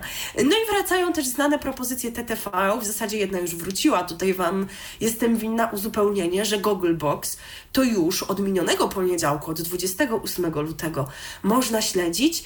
Dzisiaj z kolei wraca 99 grało wszystko o 22, we wtorek zaś po 22 kolejna odsłona programu Kanapowczynie, gdzie panie będą walczyły o siebie, o sylwetkę, ale myślę, że nie tylko o sylwetkę. Y, I do TTV też na pewno wrócimy, bo tam się szykuje ten program Coś w sam raz dla mnie o powrocie do szkoły, w którym gwiazdy TTV będą miały taką okazję, żeby się znowu poczuć jak w szkolnych latach, ale dopiero pod koniec marca to się wydarzy. A powinno we wrześniu, nie uważasz? Takie Oczywiście, że tak. Z pierwszym września. Lepiej nie ma to to sensu w ogóle. pasowało. Pasowało, no pewnie. No ale już niezależnie od tego, wtedy kiedy oni z tym wystartują, to my o tym więcej powiemy. No to Czas się udać na muzyczną przerwę, zanim zmienimy grupę medialną. Yy, i nawiążemy do Drag Me Out, czas na show. Nie będzie to utwór jakoś nawiązujący do tematyki drag queen, bo tak jak powiedziałam, na tym się nie znamy. Może są jakieś utwory osób, które występują jako drag queen, ale my o tym nie wiemy. No chyba i też ten program tak średnio dla nas. No okej, okay, może oni coś tam będą też śpiewać, ale pewnie będą przede wszystkim właśnie tańczyć, występować, wyglądać, więc Wiesz co, ja się ci, na to jakoś nie piszę. Powiem Ci szczerze, że ja wczoraj nawet gdzieś na Spotify'u znalazłem playlistę utworów wykonywanych przez drag queen, ale co jeden to był gorszy, więc Aha. no, więc odpuścimy sobie to. Natomiast, no, a, propos tego, co powiedziałam, że będą wyglądać, yy, ważną częścią ich ubioru z pewnością będą jakieś szykowne yy, kiecki. No i właśnie o kiecce zaśpiewa nam teraz gospodyni tego programu, czyli Mary z Polski. Trochę chyba treść tego tekstu może średnio tam adekwatna, bo mamy nadzieję, że żaden z tych panów, mimo ich wątpliwego statusu w show biznesie, nie okaże się takim plastikowym klejnotem, jak ta pani tam śpiewa. Tak czy inaczej im życzymy powodzenia i żeby na każdym z nich dobrze leżała, jak to brzmi w tytule piosenki, mazowiecka kiecka. PhD. Mazowiecka Kiecka za nami, a przed nami W zmiana. ogóle to jest dzisiaj dużo kiecek, no nie mamy Tak. takie kobiece wydanie. Chyba, że się szykujemy na Dzień Kobiet i no nie wszystkie utwory, ale sporą część piosenek stanowią takie, które śpiewają młode polskie wokalistki i nie, nie inaczej będzie za moment, chociaż nie o śpiewie będziemy mówić, jeno o tańcu, bowiem przenosimy się do Polsatu teraz, który startuje jutro ze swoją ramówką wiosenną. E, Jutro, czyli w niedzielę, e, bowiem chce nam pokazać e, format, który świetnie znamy, który się pojawiał w różnych miejscach w ramówce w Polsacie, bo to był piątek, to był poniedziałek, a teraz to jest niedziela. Ale to chyba nie jest zaskoczenie, bo to jest pierwsza odsłona tego formatu za kadencji pana, którego niektórzy złośliwie nazywają Edwardem Niszczakiem. Nie wiem dlaczego. To złośliwe i okrutne. E, No, a skoro w TVN-ie taniec z gwiazdami, bo o nim mowa był w niedzielę i pan Miszczak uważa, że to jest super, no to stwierdził, że Polsat musi teraz e, zrobić tak samo. Nie I będzie gorszy. Wraca, bo... Oczywiście. E, I ten format wraca po przerwie, bo nie było go w ramówce jesiennej. Wraca teraz, więc jak to zwykle zaprezentujemy Wam skład, a więc kto zatańczy i z kim, no a potem e, ocenimy, e, jaką ekipę im się udało skompletować. No bo w końcu, skoro pierwszy właśnie taniec z gwiazdami z panem Edwardem, no to jesteśmy bardzo ciekawi, kogo mu się tam udało zaprosić na parkiet. No to pierwsza para, która się pojawi, to będzie Kamil Baleja i Magdalena Perlińska. No proszę, Kamil Baleja y, będzie tańczył. No, dotychczas może mało kto wiedział, jak on w ogóle wygląda, y, bo przecież radio to było miejsce, w którym się udzielał i udziela. Aczkolwiek no w telewizji też, no bo jakieś tam koncerty Polsatu współprowadził, więc już też ze stacją miał jakiś związek. Y, Ale kolejnej osoby przedstawiać chyba nie trzeba. Filip Heiser zatańczy z Hanną Żudziewicz. I następna para Dagmara Kaźmierska i Marcin Hakiel. No to też nabytek y, Polsatu, bo wcześniej przecież w TTV Królowe Życia się wzięły, skończyły. Dagmara przyszła do Super Polsatu szukać męża, no to tutaj jeszcze znalazła tanecznego partnera, którym będzie Marcin Hakiel. Yy, ale w ogóle obecność Dagmary, tutaj już pomijałam wszystkie wątki z jej przeszłości, bo już omówiliśmy wiele razy, nie chcę się powtarzać, ale yy, w życiu Dagmary kilka lat temu miało miejsce takie, no trudne dosyć wydarzenie, jak poważny wypadek. Yy, i po którym ona straciła znacząco sprawność. I ona teraz będzie tańczyć na równi z innymi uczestnikami. Yy, Są takie informacje, że ona będzie jedyną w tej edycji, a może w ogóle w historii tego polskiego tańca z gwiazdami, nie wiem, osobą, kobietą, która nie będzie tańczyła na szpilkach, tylko w butach na jakichś takich koturnach. Yy, No okej, no tylko pytanie właśnie, czy ona z uwagi na swoje fizyczne ograniczenia będzie w stanie dorównać innym e, osobom, innym tancerzom. E, Plotki są takie, że podobno ona została tylko zakontraktowana na kilka odcinków, żeby przyciągnąć widzów, a potem sobie odpadnie. Się okaże, jak dojdzie do finału, no to będzie nam głupio, że rozsiewamy fejki, także ja nic nie sugeruję. E, A kolejna para również... Tak, kolejna para jest moja. Chcę No tak, zabrać. no tak, tak. E, Kolejna para z udziałem aktorki śpiewającej, bo e, kiedyś przekonywała, że twoja twarz brzmi znajomo, teraz właśnie zatańczy Beata Olga Kowalska wraz, wraz z Mieszkiem Masłowskim. A w kolejnej parze pojawiają się lekkoatleta Adam Kszczot i Katarzyna Wuman. E, Tak, no to rzeczywiście Adam Kszczot to jest takie nazwisko, którego nie znałam, bo jak wiecie, na niwie sportu jestem ignorantką. E, Kolejna pani nazywa się tak naprawdę Julia Kuczyńska, jeśli się nie mylę, ale w internecie występuje jako Muff Fashion. Jest influencerką popularną, ma dziecko z tym Sebastianem Fabiańskim, o którym już też wiele razy mówiliśmy, a zatańczy z Michałem Danilczukiem. I mamy następną parę. Tu się pojawią aktor Aleksander Mackiewicz i Izabela Skierska. Nie znam tego aktora, przyznam szczerze, ale aktora, który się nazywa Maciej Musiał, znam doskonale od rodzinki.pl, począwszy przez jakieś tam inne rzeczy, w których grał i które prowadził. On z kolei zatańczy z Darią Sytą. No i mamy następną e, parę. Tu No też. teraz. Oczywiście. Małgorzata Ostrowska-Królikowska i Kamil Gwara. No, że się udało pozyskać panią Małgorzatę Ostrowską. No. No, okej, ona tam brała udział w takich rzeczach, jak, jak oni śpiewają czy coś, no ale po tylu edycjach jestem zdziwiona, czy właśnie dopiero teraz ktoś wpadł, żeby się do niej zwrócić, czy ona może przez tyle edycji nie chciała, no bo to nie oszukujmy się, jest bardzo rozpoznawalne nazwisko. Mamy kolejną aktorkę, możecie ją znać na przykład z przyjaciółek, w których już nie gra jej bohaterka, została uśmiercona, na dobre i na złe też występowała, Anita Sokołowska y, z Jackiem Mieszkę. No i następna para to Krzysztof Szczepaniak i Sara Janicka. To też śpiewający, utalentowany aktor, znany też z twojej twarzy. Yy, No i też te, nie trzeba tej pani, jak sądzę, przedstawiać. Niedawno taka malutka w Voice Kids na Eurowizji Junior, a teraz, panie, teraz to ona ślub bierze zaraz. I niewykluczone, że rodzinę będzie dalej rozwijać, no bo tam ten jej e, mąż przyszły, no to już ma jedno dziecko, także taka młoda, a już będzie macochą, więc e, rozerwie się, słuchajcie, oderwie się od tych domowych obowiązków na parkiecie. Roxana Węgiel, której będzie towarzyszył Michał Kassin. E, Jak oceniasz ten cały skład, bo to już są wszystkie pary? No wiesz, ciężko mi ocenić go jakoś tak tanecznie, natomiast kilka znanych No, nazwisk nie, nie to mam na wpadło. myśli. Wiecie, nie żeby mnie to jakoś szczególnie obchodziło, bo tego i tak nie będę oglądać, ale w poprzednich edycjach rzeczywiście wielokrotnie było tak, że znaczny procent tej stawki to były osoby, których absolutnie nie kojarzyłam nawet z nazwisk. A tutaj, no, też nie kojarzę wszystkich, nie mogę powiedzieć, no ale są nazwiska większe. Więc, yy, no, udało się. Pewnie to magia tego niszczaka jednak. Niszczy, niszczy, ale coś tam, coś tam buduje. Ale buduje przy okazji, E, na gruzach. Na... Tak, tak, tak. Yy, natomiast to nie jest koniec zmian, bo one jeszcze dotknęły ekipę jurorską, ale też prowadzących. I tak, uczestników już nie będą oceniać Andrzej Grabowski, Andrzej Piaseczny i Michał Malitowski, a zastąpią ich Ewa Kasprzyk. No tak, zawsze w jury musi być jakaś starsza osoba z pokolenia tych starszych gwiazd, tudzież celebrytów, która nie ma pojęcia o tańcu, ale będzie miła, może właśnie nie, może właśnie pani Ewa Kasprzyk będzie taka, wiesz, uszczypliwa, trochę mi pasuje do tego. Yy, następnym jurorem jest ten, który już po prostu się tyle natańczył w tym programie, yy, w parach z tyloma celebrytkami, że teraz yy, no on już ma po prostu pełne kompetencje do tego, żeby oceniać. Rafał Maserak, no to rzeczywiście jest taka osoba, która zyskała popularność na tym programie. Wcześniej nie wiedzieliśmy, kto to jest, że to jakiś tancerz Rafał Maserek. Nikogo to nie obchodziło, a dzięki e, temu programowi cała Polska go zna, no i teraz właśnie w nowej roli.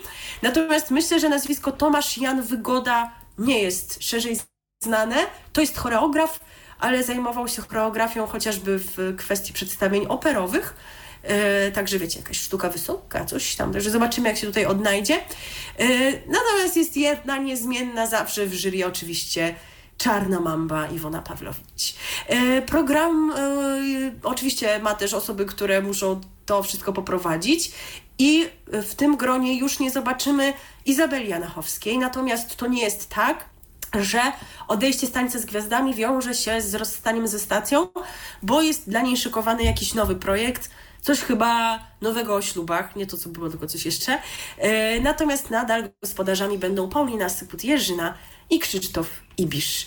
E, no i tak jak powiedziałam, miejsce, pasmo emisji to jest niedzielna ramówka, godzina 20, Polsat już od jutra, od 3 marca. I wyobraźcie sobie, że tu nie jest koniec propozycji Polsatu na niedzielne wieczory, ale pozostałymi propozycjami zajmiemy się po piosence, bo teraz nam właśnie zaśpiewa ta przyszła młoda macocha, która w programie będzie walczyła o Yy, o co się tam walczy? O kulę kryształową jakąś, coś, coś tam w tym rodzaju, jakieś takie trofeum.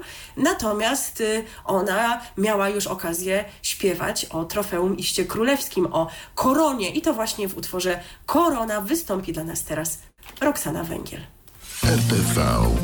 O radiu i telewizji wiemy wszystko. To jest cały czas RTV na antenie radia DHT i dalej jesteśmy w kręgach polsatowskich. Y, Tak jak wspomniałaś, oni tu dla nas mają jeszcze propozycje kolejne i tym razem będzie to serial Planeta Singli 8 historii. Y, Bo był taki film jak Planeta Singli, prawda? Tak. Miał ileś części, coś tam, ja się nie znam w tych komediach romantycznych, ale to chyba trochę coś jest innego, jeżeli się nie mylę, jeżeli, niż ten taki pierwowzór kinowy. No tytuł tutaj to łączy, no ale jak sama nazwa wskazuje osiem historii, no to chyba w filmie tyle nie ma, nie wiem. No cóż, a tu właśnie tyle będzie. Jest to antologia ośmiu uniwersalnych opowieści o miłości, która nie zna granic wieku ani pochodzenia. Wspólnym elementem e, różnorodnych historii jest to, że ich bohaterowie poznają się za pomocą aplikacji randkowych. Czy na planecie singli można odnaleźć prawdziwą miłość? Ten cykl romantycznych relacji z humorem ukazuje wszelkie aspekty randkowania online. E, każdy z odcinków stanowi zamkniętą całość, przedstawiając różne portrety współczesnego świata. Miłosnych wzlotów i upadków. Bohaterowie różnią się wiekiem, pochodzeniem i motywacją do poszukiwania miłości online, ale, ale łączy ich pragnienie odnalezienia drugiej połówki. Każdy odcinek to inna ekipa i obsada aktorska. Producenci poprosili reżys o reżyserię twórców, którzy nie kojarzą się z komercyjnym kinem, więc tu będzie takie może świeże spojrzenie na ten temat. I planeta singli 8 historii już od 3 marca, czyli od jutra, właśnie po godzinie 22.10 na antenie Polsatu będzie się pojawiać. A my muzycznie nawiążemy do tej filmowej wersji, tak. e, bo co prawda nie mamy wiedzy, bo chociaż ten serial już gdzieś, gdzieś już też się pojawiał, o ile się nie mylę, wcześniej, to Polsat też nie pokazuje tego jako pierwszy, ale nie mieliśmy go okazji oglądać i nie wiemy, co tam się pojawia w ścieżce dźwiękowej. Czy przypadkiem to nie było na Kanal Plus wiemy, kiedyś? Prawdopodobnie tak. Natomiast y, wiemy, jaka piosenka promowała tę wersję y, filmową, i tak się składa, że tutaj zagościła nas kolejna młoda polska uzdolniona artystka, a mianowicie Bowska z utworem The Man with an Unknown Soul. To była Bowska, my dalej pozostajemy wokół anteny Polsatu, gdzieś tam się kręcąc, bo oni jeszcze mają to i owo nam do zaproponowania. Tak, i skupimy się teraz na dniach powszednich, bo to była niedziela. Soboty niczego nam nie przynoszą takiego nowego, jak to oni podają w swoim zwiastunie. Soboty filmowe, niedziele roztańczone, także na soboty nie mają żadnej nowości czy powrotu, o którym byśmy mogli powiedzieć, ale za to powiemy o e, propozycjach powracających do pasma popołudniowego, bo wiemy, że one, e, a szczególnie Szczególnie jedna z nich ma swoich fanów wśród naszych słuchaczy. Mam na myśli serial Gliniarze, który już od poniedziałku wraca z nowym sezonem, który, e, dobra wiadomość dla fanów, będzie dłuższy od poprzednich. Polsat pokaże aż 75 odcinków produkcji, e, w których pojawią się śledztwa oparte na autentycznych wydarzeniach. W nowym sezonie gliniarzy widzowie będą obserwowali problemy Natalii. Ja znowu czytam, wiecie, nie wiem o czym czytam, bo to dla Was wszystko. W życiu nie oglądałam ani fragmentu odcinka. Także jak gadam jakieś głupoty, to proszę nie krzyczeć, to, a, a winić tych, którzy tutaj opracowali te streszczenia. E, policjantka odzyskała Antosia, jednak traumatyczne miesiące mocno obciążyły psychi psychikę dziewczyny. Sytuację pogarsza fakt, że Antoś, Antoś jest prześladowany w szkole. Natalia zaczyna nadużywać alkoholu. Dobre informacje u Kuby. Pomyślnie usunięto mu guza, po rekonwalescencji pomyślnie przechodzi testy i powraca do służby. Zaskakująca sytuacja będzie miała miejsce na komendzie. Szef Centralnego Biura Policji, czyli Szwarc, oraz naczelnik Wydziału Kryminalnego, czyli Zaremski, wyjeżdżają na konferencję policyjną na Litwie. Olgierd tymczasowo przejmuje obowiązki naczelnika wydziału. Szybko się jednak przekona, że to trudne stanowisko. Adamowi udaje się oczyścić z podejrzeń dotyczących yy, samobójczej śmierci dawnego kumpla.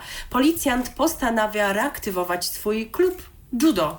Wyremontowany i dofinansowany lokal otwiera swoje drzwi na nowych, yy, nowe, nowe chętne osoby, a także na trenerów.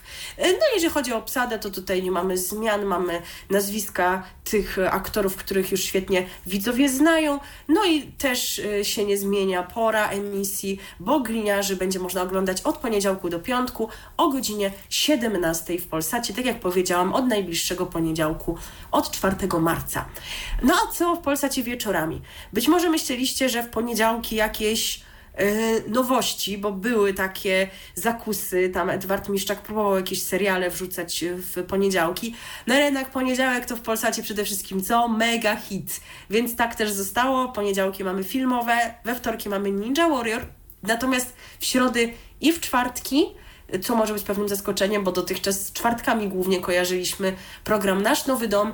Elżbieta Romanowska, przypomnijmy już drugi sezon w roli tej osoby, która mówi e, wyremontujemy nasz dom, będzie właśnie tym się e, zajmować. Chociaż mi się wydaje, że był jakiś taki sezon jeszcze z Katarzyną Dowbor e, naszego nowego domu, kiedy właśnie pokazywano dwa odcinki w tygodniu, a nie jeden. Także teraz porządkując w środę i czwartek o 20 E, nasz nowy dom.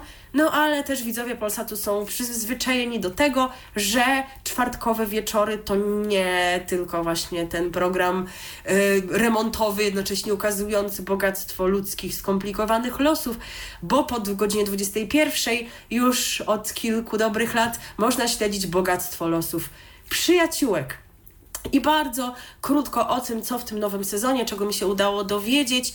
E, Anka po wypadku samochodowym będzie poruszać się na wózku inwalidzkim. Ta sytuacja będzie wielkim testem dla jej związku z Pawłem, który w ostatnim czasie już wisiał na włosku. Patrycja będzie chciała odbudować swoją relację z Wiktorem, no i podobne zamiary będą mieć Inga i Borys. Tyle wiem, nie za dużo, no ale może to i lepiej będziecie mieć większy apetyt, żeby włączyć Polsat już w najbliższy czwartek o 20, po 21, żeby zacząć śledzić kolejny sezon tego serialu, co już miał zniknąć, no ale właśnie, widać, a tu się trzyma okazuje. się wciąż dobrze. Ty kiedyś rzuciłaś jakiegoś takiego fejura, a to nieprawda się okazała. Natomiast nie znika absolutnie program, o Boże, ja się dzisiaj nie nadaję, żeby krzyczeć. Próbuj. Ale niech będzie twoja twarz. Brzmi znajomo. E, tak jest. E, brzmi znajomo, chociaż brzmi inaczej niż w poprzednich sezonach, bo to sezon jubileuszowy, 20, a zatem stacja postanowiła tutaj zrobić coś szczególnego, bo jak e, Wam przeczytamy listę uczestników, no to się chyba zorientujemy, zorientujecie za moment o co chodzi. Y, to jak, y, Michale, przy, przystąpisz do czytania Proszę tej bardzo, listy proszę bardzo, przystępuję. Numer jeden na miejscu pierwszym listy Barbara Kurdej-Szatan. Kacper Kuszewski. I kolejne miejsce to jest Filip Lato. Miejsce mówisz, jakbyśmy ich porządkowali, a to jeszcze miejsca to oni dostaną, wiesz, po całej Aha. tej edycji. Katarzyna Skrzynecka. Aleksandra Szwed. Stefano Terracino. Maria Tyszkiewicz. I Mateusz Ziółko. No to chyba sami przyznacie, jeżeli oglądaliście kiedyś ten program, że brzmi znajomo. Brzmi, wszyscy osoby, brzmią które- znajomo. które się z tym y, zmierzą po raz pierwszy. Y, tylko ta edycja ma podtytuł Najlepsi, gdzie wracają osoby. Y, tylko raczej tak stawiano, żeby to były raczej te edycje dawniejsze niż te ostatnie, więc osoby, które już jakiś czas temu mogliśmy oglądać, ale takie, których występy są pamiętane, do dzisiaj gdzieś tam pewnie są wyświetlane w dużych ilościach na YouTubie. Jak myślisz, czy to jest dobry pomysł, żeby zrobić taką edycję? Wiesz co, myślę, że skoro to są osoby już sprawdzone, to może się to dobrze oglądać. Jeżeli tak rzeczywiście zostały wybrane, wyselekcjonowane. A ja powiem szczerze, że mnie to średnio obchodzi, dlatego że jeżeli już miałabym kogoś oglądać w tym programie, chociaż on już miał tyle sezonów, że no tak wiem, ogląda się dobrze, ale nie byłoby mi smutno, gdyby zniknął. E, ale jeżeli już kogoś miałabym tutaj oglądać, to wolałabym osoby, których jeszcze nie miałam okazji widzieć w tych transformacjach.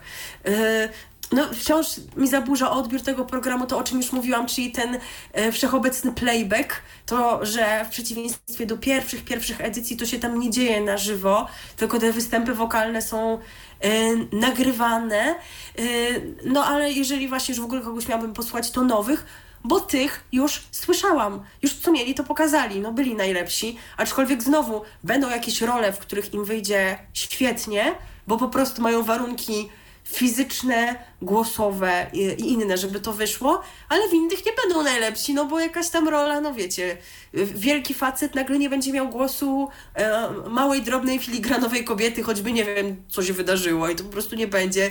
Dobra transformacja może podobnie do niej wyglądać. A propos wyglądu, To też jest jeden element związany z tym programem, taki, że jeżeli chodzi o charakteryzację, to już e, nie będzie w programie e, zmiany koloru skóry na czarny kolor, e, w związku z tym, co się działo już kilka razy przy poprzednich sezonach programu, a tak szczególnie w ostatnim sezonie, kiedy to Kubie Szmajkowskiemu się oberwało przy tej charakteryzacji na Drake'a. No i to jest temat, na który można byłoby patrzeć z różnych perspektyw, prawda? Bo z jednej strony ok, chodzi o, charakteryzację i co, i teraz już nie będzie, można, nie wiem, jakoś się upodobniać do osób o większej e, posturze, trochę tęższych, no bo to body shaming, albo za kobiety się nie można przebierać, bo to jakiś seksizm i tak dalej, i tak dalej. No i ograniczenie wolności artystycznej, można to tak traktować, tylko że chyba jest tak, że my, jako białe osoby, pewnych kontekstów związanych z tym kolorem skóry, nie do końca może rozumiemy, chociaż możemy je zrozumieć, jak poczytamy o historii, ale nie czujemy chyba tego tak jak tam, więc jeżeli dla kogoś to jest ważne i ktoś mówi, to bardzo nie jest okej, okay, no to Jezu, no to chodzi tylko o charakteryzację, więc pozwolę sobie przedstawić te dwa stanowiska i nie zajmować żadnego z nich, bo nie trzeba. To naprawdę nie jest w życiu konieczne. Czy coś byś chciał dodać do tego wątku? W sumie tak powiem szczerze, że nam jest akurat łatwo tutaj nawet nie zajmować stanowiska, bo i tak tego nie oglądamy, więc no to jest nawet całkiem znaczy, wygodne. Ja to oglądam w sensie. No ale nie widzisz tego, nie? Nie, audio tego programu. Nie, nie, wiesz, co, nie wiesz, co ci jakby, czego ci brakuje, jeżeli nie ma tej charakteryzacji, tak? No, co tak? tracę. No. Aczkolwiek po, potem do mnie dociera afera, że znowu jest y, blackface tak nie, no zwany, no to, to y, tak, to... gdyby znowu była afera, to bym o, o tym czytała.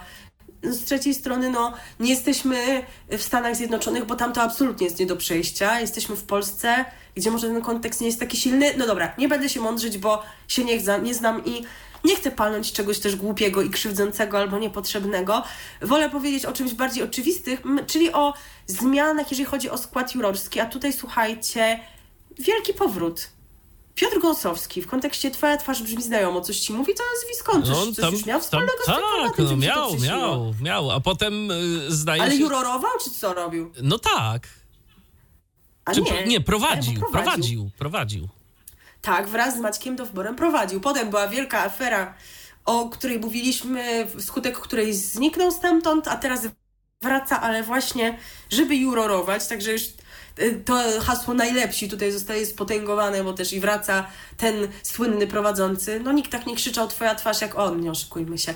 Y, w związku z tym zmiany w tym składzie nie będzie w nim już Pawła domagały. Natomiast nie zmienia się pasmo emisji, to do którego nas przyzwyczajono od kilku sezonów, czyli piątkowe wieczory po godzinie 20. I tak jak już powiedziałam też przed momentem w kontekście niedzieli, myślicie, że to wszystko, jeżeli chodzi o Polsat i o ten dzień tygodnia? Nie, bo na piątek też coś dla nas mają też to będzie serial, ale zanim na tym serialu się skupimy, to jeszcze muzyczne odniesienie do Twojej twarzy. No i skoro mamy tych najlepszych i mamy całą galerię ich występów, no to możemy po któryś sięgnąć. Trudny to wybór, bo każdy z nich ma na swoim koncie jakieś takie wcielenie, które się zapisało w historii tego programu i które jest pamiętane po dziś dzień, ale y, jako pierwsza przyszła mi do głowy sytuacja, w której znany z występów solowych, czy też w, zespole chyba Sun Grace, Filip Lato, wyszedł, aby zaśpiewać jak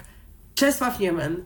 I rzeczywiście, tak jak rozmawialiśmy poza anteną, może aż trochę przesadnie, ale wziął i odrobił lekcję, żeby wszystkie elementy charakterystyczne dla śpiewu, dla wymowy Czesława Niemena odwzorować. E, piszcie Dawajcie znać, jak Wy oceniacie te efekty jego pracy. No jurorom to się bardzo spodobało, oczywiście wygrał tam w swojej edycji również, yy, a wszystko to dokonało się za sprawą wykonania piosenki Sen o Warszawie. RTV. O radiu i telewizji wiemy wszystko. No rzeczywiście, naprawdę nieźle, nieźle, ale z tym wyruszaj to już chyba przesadził.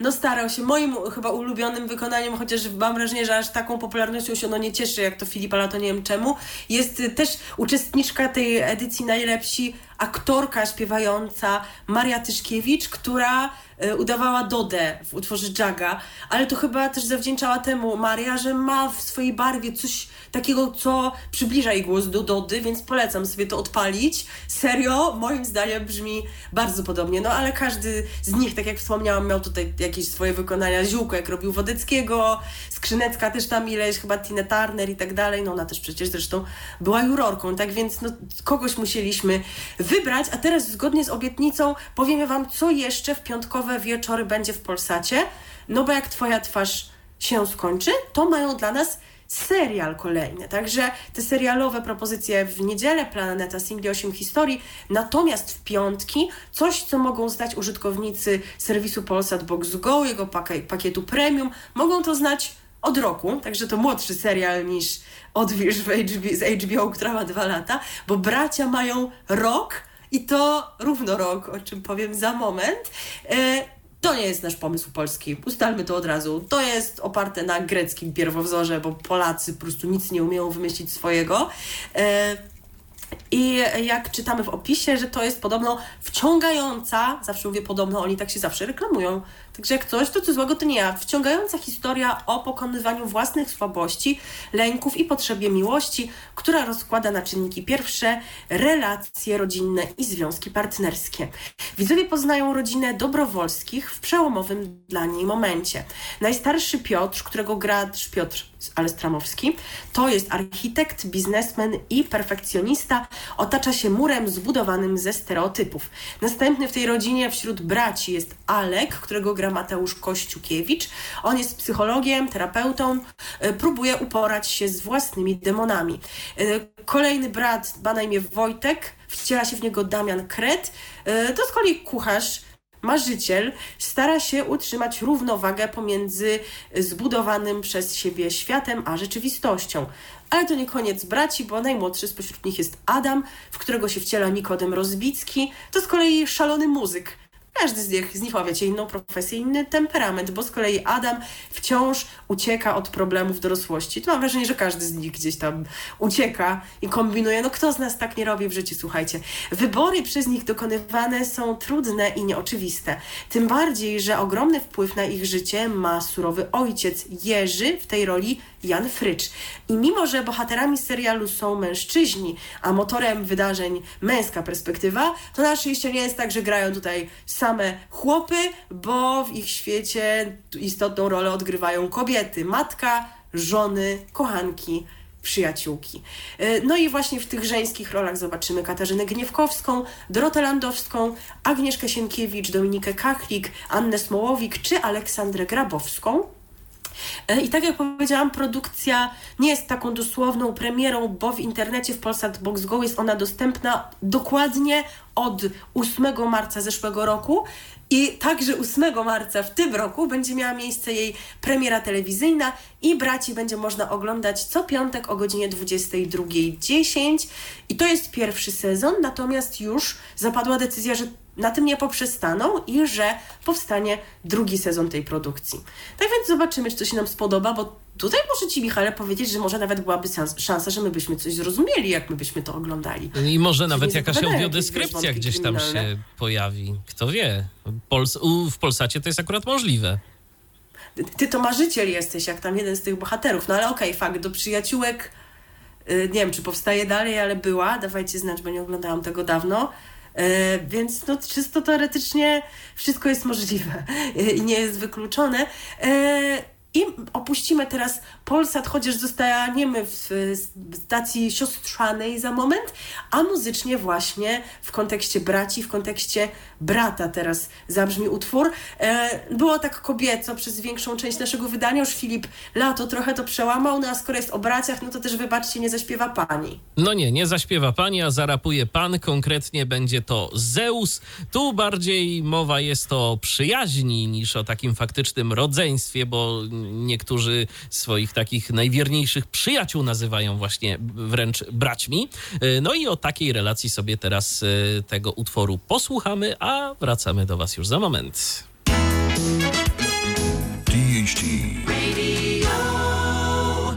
Zeus i jak dobrze rozpoznałem głos, to jeszcze gdzieś tam pod koniec Tupak Szakur e, z zaświatów się pojawił e, na antenie Radia DHT, a teraz e, przenosimy się z Polsatu do czwórki, bo w czwórce... Pozdrawiamy gorąco Dawida. Tak jest. Domyślamy się, że jak on pisał, że czeka na nasze omawianie ramówek, to że czekał przede wszystkim na to.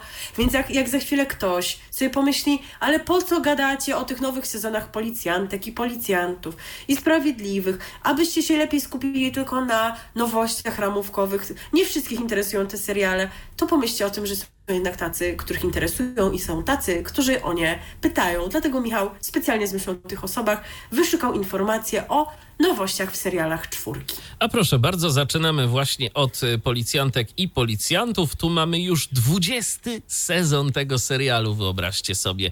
I właśnie w tym sezonie Mikołaj Białach, y, wspierany przez niezawodny zespół wrocławskiej komendy, mierzy się z trudnym i niebezpiecznym y, pojedynku z wyjątkowo groźnym i przebiegłym przestępcą, a prywatnie zmaga się z przeciwnościami, jakie napotyka jego miłość do Idy. W niebezpieczeństwie znajdują się Miłosz Bachleda i jego ukochana Tamara, a związek patrolowych partnerów Natalii Mróz i Marka Korwickiego czekają chwilę próby. Zagrożone jest również życie Leny Kamińskiej, która po akcji z zapałą stara się za wszelką cenę chronić Tomka Szulca, który jest nieświadomy, że to nie jedyne problemy, z jakimi boryka się jego żona. Emilka Drawska-Zapała y, po przejściach z Krzyśkiem y, postanawia żyć dalej, nie oglądając się za siebie, choć rzeczywistość nie do końca jej na to pozwala. Tymczasem komendant Witacki, poza dowodzeniem zespołem, dla którego nie tylko w sprawach zawodowych pozostaje ogromnym wsparciem, zajmuje się także rekrutowaniem nowego narybku. Już w pierwszym tygodniu nowej, 20 serii serialu do służby na komendzie stawia się młody, posterunkowy Alan Niedzielski, e, w tej roli Bartłomiej Golisz, który rozpoczyna pracę od dyżuru na recepcji. Kolejnym nowym nabytkiem komendy jest posterunkowy Bartosz Sołtys, y, grany przez Miłosza Błacha, a niebawem pojawiają się także inni nowicjusze. Najnowsze odcinki od poniedziałku y, o godzinie 19 na antenie telewizyjnej czwórki. Więc tam jak widać dzieje się, co ten Krzysiek zapała nawywijał. To jestem bardzo ciekaw, bo jego to jeszcze pamiętam, ja bo to jest... kim ty do mnie mówisz. Bo to także- jest bohater, który się pojawia prawie że od początku, więc on, więc jak kiedyś tam zdarzało mi się oglądać e, policjantki i policjantów, to, to jeszcze pamiętam, że on, e, że on tam był. Ale widać, taki spokojny był raczej, a to cicha woda być może. Ale to nie jest jedyny serial tego Co godzinę typu. później. Tak, bo mamy kolejny serial, tym razem serial Sprawiedliwi, Wydział Kryminalny. On nieco młodszy stażem, bo e, 16 sezon się pojawia i tu do obsady dołączą nowe twarze. E, Pierwszą z nich będzie Karolina Głąb e, w roli Izabeli Rosy, e, policjantki, do której dotrze serialowy Kubis, poszukując pewnych cennych informacji. Akcja tego sezonu rozpoczyna się trzy miesiące po wydarzeniach finału jesiennej serii.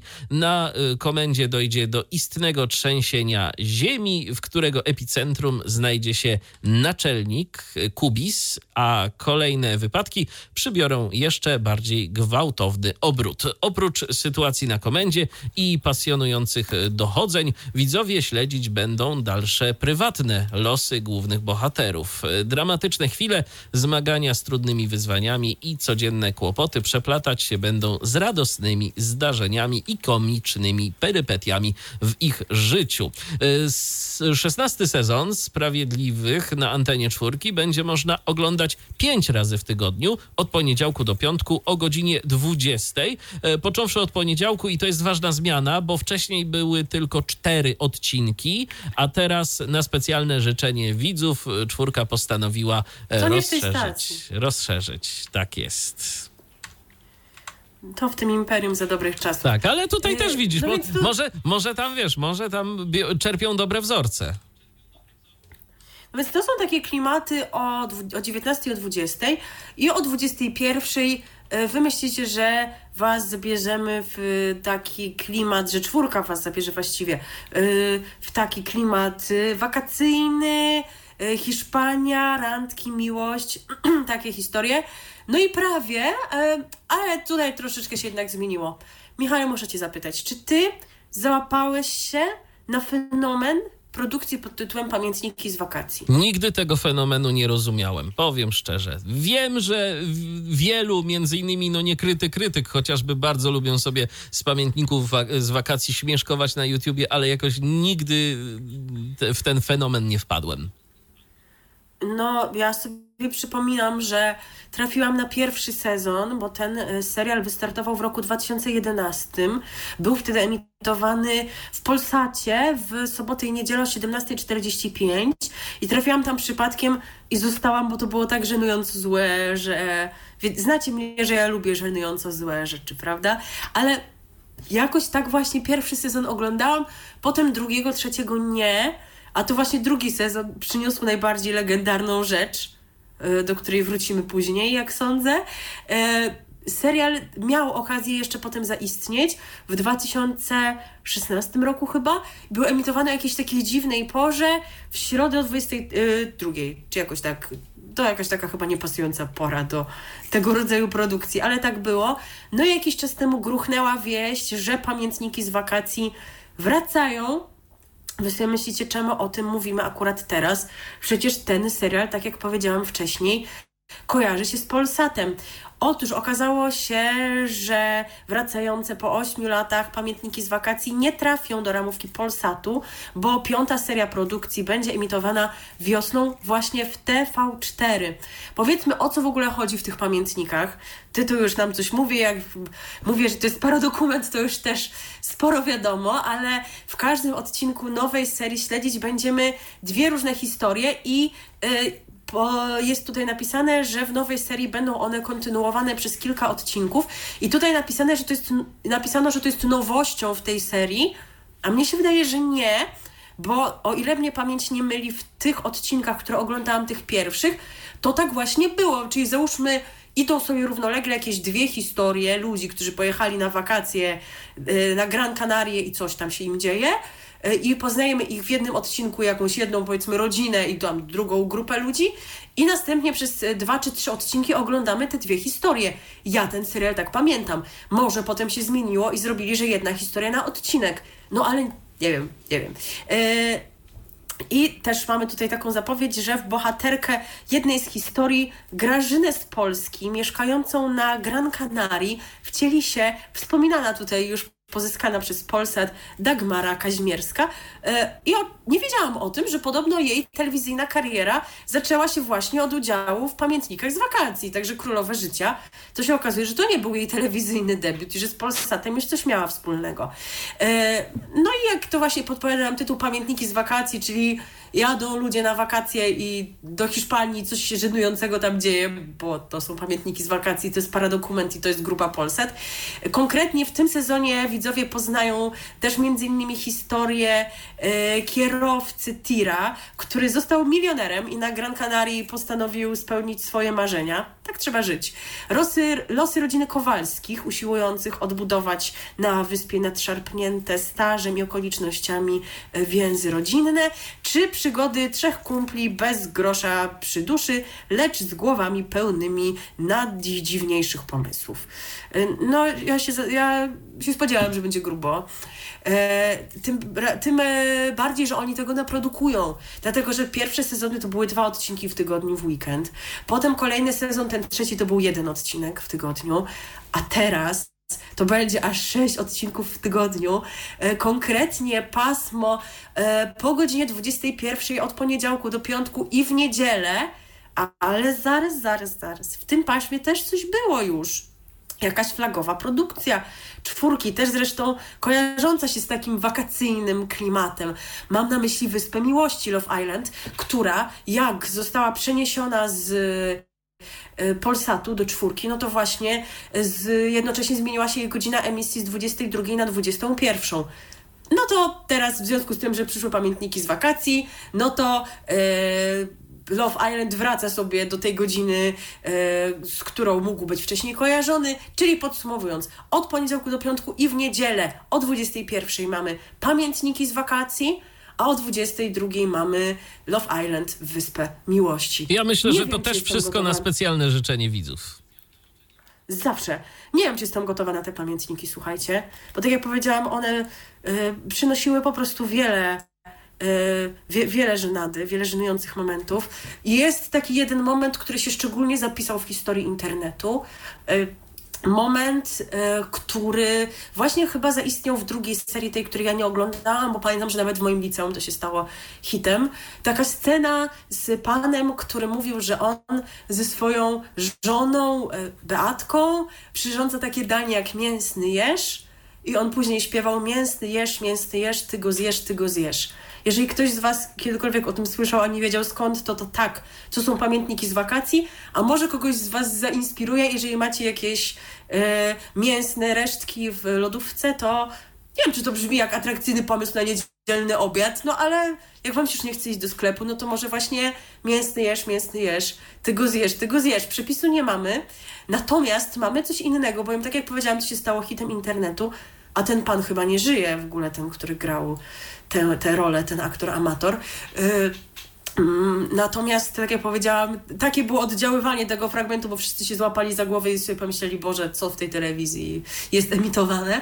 E, A jedną z takich osób był Cezik, który w tym czasie słynął z tworzenia piosenek na bazie jakichś, wiecie, sławnych tekstów, yy, wrzucając tam wypowiedzi popularnych osób, na przykład ten słynny utwór z Krzysztofem Ibiszem, że uśmiech, moc, fitness, sport, my to graliśmy u nas. No i też mamy właśnie taką piosenkę, którą w ramach swojego projektu Klejnuty oparł na słynnym mięsnym jeżu, że się tak wyrażę. Tak więc ona za chwilę u nas zabrzmi, no ale nie może być inaczej, nie poprzedzimy jej, jak to u nas bywa, tradycyjnym naszym jinglem Radia DHT, a tym intrem, które będzie aż sześć razy w tygodniu brzmiało na antenie TV4, e, które świetnie znamy z poprzednich sezonów Pamiętników z wakacji, więc mam nadzieję, że oni go nie zmienią. Bo serial nie zamierzam oglądać, ale chociażbym miała coś śpiewać. Szczególnie, że przesłanie jest przecież takie pozytywne, żebyśmy zapamiętali ten czas. No i tak to właśnie wyglądało. Mięsny jesz za nami. Jeszcze Magda Gessler się znalazła Tak. w tym uniwersum. Przy okazji, tak, przy okazji. Teraz... Ale to nie znaczy, że wracamy do TVN. Nie, nie, nie. Zmieniamy w ogóle stację, yy, zmieniamy brand, że tak powiem. Teraz będzie telewizja Puls. Teraz będzie telewizja Puls z nowością najpierw, a potem z powrotami też, na które czekacie. E, Nowość nosi tytuł Miasteczka nie ufaj nikomu, E, ale czy oni tak bardzo stawiają na tę nowość? Myślę, że o tym sobie powiemy za moment i na podstawie jakich przesłanek wnoszę, że nie. Ale najpierw kilka słów o fabule. Każdy odcinek serialu Miasteczka nie ufaj nikomu będzie historią innego bohatera. Łączyć będzie je to, że niosą wielkie emocje ponoć i następują w nich zaskakujące ponoć zwroty akcji. W finale każdego odcinka widz odkryje szokującą tajemnicę lub będzie świadkiem przemiany bohatera, którego świat wywrócił się do góry nogami. No zupełnie jakbyśmy tego nie znali ze wszystkich innych paradokumentów świata. Bohaterami jednego z odcinków będą pracownice cukierni, zaciekle rywalizujące o względy szefa. W innym pojawi się tajemnica rodzinnego domu wystawionego na sprzedaż, czy niemoralna propozycja złożona zadłużonemu małżeństwu. No to chyba się już można domyślić, jakiego charakteru, skoro niemoralna. E, serial Miasteczka Nie ufaj nikomu będzie emitowany w telewizji Puls od poniedziałku do piątku o godzinie 16, począwszy od najbliższego poniedziałku, czyli 4 marca. No i na podstawie czego, jak myślisz, ja wnoszę, że oni tutaj jakoś chyba y, nie wieszczą tutaj wielkiemu wielkiego sukcesu tej produkcji? Czekaj, no bo to było, to jest ta godzina, y, gdzie pojawiały się inne seriale, No które 16. spadały. Co to jest? Pre... Jakiś prime, to prime time to, to nie jest, prawda? No nie Taka jest. jakaś poz- propozycja w środku dnia. Ja wiem, że oni mają tam inne rzeczy typu lombardy w porach lepszych i nie będą już tego zmieniać, ale jakoś no, no nie wiem, nowość wrzucać tak w środku dnia, to jeszcze w telewizji Puls, bo wiecie, co innego w TVN, nie taka godzina, co innego tutaj. no to nie zdziwię się, jeżeli właśnie y, ta produkcja podzieli losy y, tych, o których wspomniałeś przed momentem, y, których historia się skończyła na jakimś jednym sezonie, czy coś w tym rodzaju.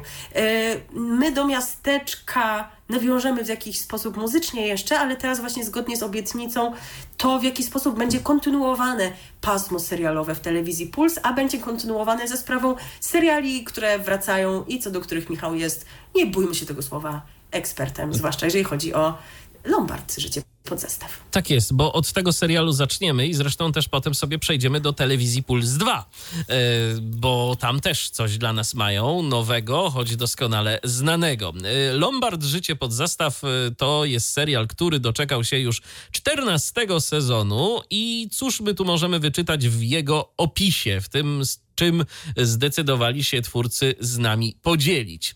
Grana przez Aleksandrę Szwed, y, y, Kalina to silna kobieta, która jak dowiedzieliśmy się z dramatycznego zakończenia e, sezonu 13 ma spore zmartwienia związane z byłym mężem. W nowych odcinkach e, Kalina będzie zaciekle walczyć o odzyskanie syna porwanego do Jordanii. W śledztwo angażuje się detektyw Krzysztof Rutkowski, który w serialu zagra samego siebie, angażując się w śledztwo e, w sprawie porwanego dziecka. Emocji nie zabraknie również w życiu właściciela serialowego Lombardu, czyli granego przez Zbigniewa Buczkowskiego Kazimierza oraz zaprzyjaźnionego z Lombardem Ziutka w tej roli Henryk Gołębiewski. Ziutka i Grażynkę spotka zaskakująca i bardzo miła sytuacja, zupełnie dla nich nowa, w której albo się odnajdą, albo będą z nią walczyć. No więc zobaczymy, którą drogę wybiorą. W nowym sezonie Lombardu y, Kazimierz znajdzie duże wsparcie w Danielu, synu siostry Beci. Nowy sezon to również nowe przedmioty oddawane do Lombardu. Tym razem widzowie zobaczą m.in. miecz samurajski czy afrykańskie rytualne przedmioty. W serialu pojawi się też na stałe pies. E, premiera 14 sezonu Lombardu już w najbliższy poniedziałek o godzinie 19 na antenie telewizji Puls. A teraz przeskakujemy sobie do telewizji Puls 2. Chyba, że chcesz coś tu dodać jeszcze a propos Lombardu? Ja się po to specjalnie włączyłam, żeby powiedzieć, że wreszcie jakaś dobra wiadomość z tym psem. Jeżeli mam wybrać, co mnie bardziej cieszy, chociaż tego nie oglądam, czy obecność Krzysztofa Rutkowskiego, czy psa, to rozumiecie, że wybieram to drugie. Natomiast już się boję, co dla nas szykuje serial Dzielnica Strachu i co w tej dzielnicy się stanie, bo tam zawsze są jakieś absolutnie przerażające rzeczy. Ja bym z miłą chęcią w Lombardzie powitał kota, to tak tylko jeszcze dodam, ale no, wiem, i, no, i raczej no. wolałbym, żeby nie był on bohaterem Dzielnicy Strachu, bo bo to by się mogło skończyć raczej źle y, dla zwierzątka. Natomiast y, no tak. właśnie o dzielnicy strachu teraz będzie. No już się zaczyna ten opis. Mocne, elektryzujące historie kryminalne, wśród nich między innymi brutalny samosąd po tragicznej utracie ukochanych, Anuszka z piekła rodem i y, tajemnica z czasów II wojny światowej, e, czy mroczna mm, e, historia pałacu na Gorczaku, w którym mieszka zło oraz wiele innych mrożących krew w żyłach zaskakujących opowieści. Szósty sezon Dzielnicy Strachu e, odpowie widzom na nurtujące pytania. Między innymi, jaki los spotkał dzielnicową Ole Grodziec? Kto prześladował komisarz Agatę Rychlik oraz dlaczego dzielnicowy Andrzej Potoczny dosłownie przegrał własne życie. E, tymczasem e, to się jeszcze inne rzeczy tu będą działy, bo La Mamma, e, czyli główna bohaterka tego serialu, postawi wreszcie na siebie i otworzy biznes, który wprawi w osłupienie cały Gorczak, a przede wszystkim jej syna, hrabiego. Czy dojdzie do śmiertelnej konfrontacji matki i syna? Kto z rodu potocznych będzie rządził dzielnicą? A może Roxy i Richter, krwawi i bezlitośni, którzy wciąż będą cieniem komisarza Rafała Noconia? E, no, skoro już o komisarzu Noconiu mowa, e, to on nie zazna spokoju za ich sprawą oraz e, przez bolesne wspomnienia dzielnicowej Karoliny Wolskiej. Brutalny Gorczak nie oszczędzi też dzielnicowego Jana, u którego boku będzie na szczęście komisarz Kafar. Y, ile tam tych dzielnicowych komisarzy, Nie. ile tego się tam dzieje. To jest naprawdę niesamowite, co, co oni tu mają do zaoferowania. Y, I to wszystko w premierowych odcinkach Dzielnicy Strachu o godzinie 22 na antenie telewizji Puls. Jeż- Puls 2 oczywiście. Jeżeli chcielibyście na przykład e, sobie e, obejrzeć odcinek poprzedni, to we wtorek e, będziecie o 21 mogli obejrzeć poniedziałkowy ten odcinek premierowy, więc oni tak to sobie wymyślili. E, No ale jeżeli macie ochotę zawsze na premierę, no to od poniedziałku do piątku godzina 22 telewizja Puls 2 Dzielnica Strachu. E, I Ja teraz... jestem na to gotowa. I- teraz jeszcze mamy tu jedną informację dotyczącą y, telewizji, ale taką bardziej techniczną. Tak, bo już kończymy tematy telewizyjne. Mhm. Kończymy tematy telewizyjne. Więc no, więc mamy coś bardziej technicznego. To, co Michał najbardziej lubi przygotowywać. Oczywiście, że tak. I tu mamy informację z serwisu radiopolska.pl. Po ośmiu latach telewizja TVS powróciła do nadawanego na terenie Rybnickiego Okręgu Węglowego multiplexu y, L.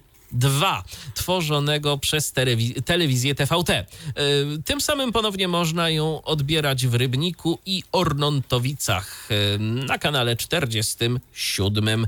Była tam już obecna od 30 października 2014 roku do 1 stycznia 2016 roku. Dwa i pół miesiąca później uruchomiła własny multiplex, który emitowany jest z przerwami do dziś. Zmiany zostały wprowadzone również do należących do grupy, a właściwie w należących do grupy mm, MWE. E, I tu muszę sobie przesunąć, bo niestety y, gdzieś mi to uciekło. O, już mam. Do grupy MWE multiplexach MUX L3 i MUX L4. Pierwszy nadawany jest z Częstochowy i Tomaszowa Mazowieckiego, drugi z Wrocławia i Świdnicy. W obu przypadkach z oferty usunięte zostały programy Power TV i Home TV, a w ich miejsce pojawiły się Pogoda 24 TV oraz Junior Channel, które tego dnia właśnie pojawiły się na rynku. I prawdopodobnie e, podobna zmiana została wprowadzona w jeleniogórskim multiplexie L1, e, ale na razie redakcji Radiopolskiej nie udało się tego potwierdzić, no ale tu jest to, jest to wysoce prawdopodobne, że tak właśnie jest. Jeżeli mieszkacie w Jeleniej Górze lub okolicach i oglądacie takie właśnie kanały z tego lokalnego multiplexu, no to możecie nam dać znać, jak to wygląda, czy rzeczywiście coś tu się zmieniło. E, Jak to mawiała pewna postać w pewnym serialu, fascynujące, tak właśnie Bardzo. bym podsumowała e, to, co nam teraz przekazałeś. E, pa- Pamiętasz z jakiego serialu, skąd to cytat, kto tak mówił? E, szczerze mówiąc, nie. Rodzina zastępcza. E, Alutka. Alutka, a, Alutka, okej. Tak, to była właśnie ona. A propos seriali, no to przydałoby się jakoś, jak to zwykle mamy, yy, chce- chcemy czynić, spuentować muzycznie nowość. Nie mamy piosenki z serialu Miasteczka Nie ufaj nikomu, bo nawet nie wiemy, czy taka tam się pojawi, ale czy ktoś jest tak stary jak ja i pamięta, że y, stacja TVN emitowała kiedyś yy, serial, który miał nieco podobny tytuł, bo brzmiący Miasteczko? No, ja jestem od ciebie starszy, a tego nie pamiętam, więc chyba po prostu to nie kwestia wieku, a bardziej tego, y, co miała się Bo ty okazję z TVN oglądać. nie oglądał w tych czasach, już wszyscy to słyszeli. No tak, no, bo też, też prawda. Nie miałem dostępu prawdopodobnie wtedy jeszcze. Tak, ale ja też serial nie oglądałam, bo za mała byłam, natomiast z tym się wiąże taka historia, y, ponieważ TVN czasami był w domu włączony, bo to były te czasy pierwszych sezonów Milionerów chociażby i wtedy były emitowane te zwiastuny Miasteczka. Ja jako mała bardzo chciałam, chciała oglądać Miasteczko, oczywiście nikt mi na to nie pozwalał, ale no pamięć miała mnie najgorszą, więc zdarzało mi się zapamiętywać na przykład dany zwiastun Miasteczka, danego odcinka, który polegał na tym, że był on y, złożony z kilku wypowiedzi, które się znajdowały w kolejnym odcinku. I na przykład potrafiłam zadzwonić do. No wiecie, kilka lat miałam, nie bijcie, wybaczcie, no ka- każdy ma jakieś swoje te. Y, w, więc zdarzało mi się przedzwonić do jakiegoś członka rodziny i wydeklamować cały ten zwiastun miasteczka, który y, zapamiętałam i aferą, która wtedy się rozpętała, było to, że właśnie y, w takim zwiastunie, który zapamiętałam i wygłosiłam, znalazł się cytat ile zarabia prostytutka. I po tym moja rodzina stwierdziła, że trzeba mi w ogóle ograniczyć telewizor, powinnam oglądać tylko jedyneczkę, jedyneczkę i inne programy dla dzieci. Czy byli w tym konsekwentni i na jak długo? No już wybaczcie, nie pamiętam. Natomiast pamiętam, mimo tego, że serial oglądać nie mogłam, piosenkę z niego, którą nagrała Ewa Ben, więc myślę, że skoro o tych miasteczkach, którym w których nie można nikomu ufać, będzie serial telewizji Puls, no to o miasteczku tym TVN-owskim Ewa Bem może nam zaśpiewać. RTV. O radiu i telewizji wiemy wszystko. Słuchajcie, to jest wreszcie ten moment. Wreszcie ten moment, kiedy pierwsza litera nazwy wreszcie, naszego programu. Że ostatnie wejście, czy Nie, wreszcie bo radio? Bo radio, bo wreszcie bo radio, pierwsza litera nazwy naszego programu w końcu zaistnieje i zaczynamy informacje dotyczące radia. E, zaczynamy od e, radia polskiego, e, imperium byłego prezeski Agnieszki, a teraz w stanie likwidacji oni już są, czy, czy, czy nie? Jak to tam pamiętasz? No tak. Bo to tam jakieś zawirowania tak, no, były. ten Majcher, to nie tak jak w polskim... To nie tak jak w telewizji, prawda? Bo tam y, Gorgosz został, mimo że wcześniej miał tym kierować ten Sygut, a tutaj Majcher miał zostać likwidatorem. No to, no tak. nie jest nim. Zdaje się, że, że jest, y, więc... No jest nim chyba. Co nie zmienia faktu, że oni dalej coś kombinują, rzeźbią, Nowych ludzi zatrudniają. Nowych ludzi zatrudniają, tak jest. Pieniędzy nie ma, ale nowe twarze są. Y, I tak oto od 7 marca do zespołu sygnałów Dnia Radiowej Jedynki dołącza Grzegorz Osiecki z Dziennika Gazety Prawnej. Osiecki będzie jednym z prowadzących poranne rozmowy z politykami na antenie stacji. A pan Grzegorz Osiecki karierę w mediach zaczynał w latach 90. w programie trzecim Polskiego Radia, potem pro pracował w informacyjnej agencji radiowej i panoramie telewizyjnej dwójki. W 2008 roku dołączył do zespołu dziennika, który w 2009 roku przekształcił się w dziennik Gazeta Prawna. Pod koniec stycznia bieżącego roku złożył wypowiedzenie. Jest laureatem Grand Press Economy w 2019 roku, a w 2018 roku był nominowany do nagrody Grand Press w kategorii News. No to to jedynce tyle na dzisiaj. E, w dwójce nie będziemy się zatrzymywać jak na razie, e, ale do trójki zajrzymy, bo tutaj nie tyle nowość, ile jak oni się chwalą, nowa odsłona programu, który świetnie jest znany słuchaczom, e, a nie tylko ten program jest znany, ale również jego jingle, do czego będzie jeszcze okazja nawiązać. Otóż radiowa trójka wprowadza na antenę nową odsłonę programu Informator Ekonomiczny. I w tej właśnie nowej odsłonie e, gospodarzami będą Sylwia Zadrożna i Marcin Jagiełowicz i będą oni omawiać wydarzenia gospodarcze wspólnie z ekspertami.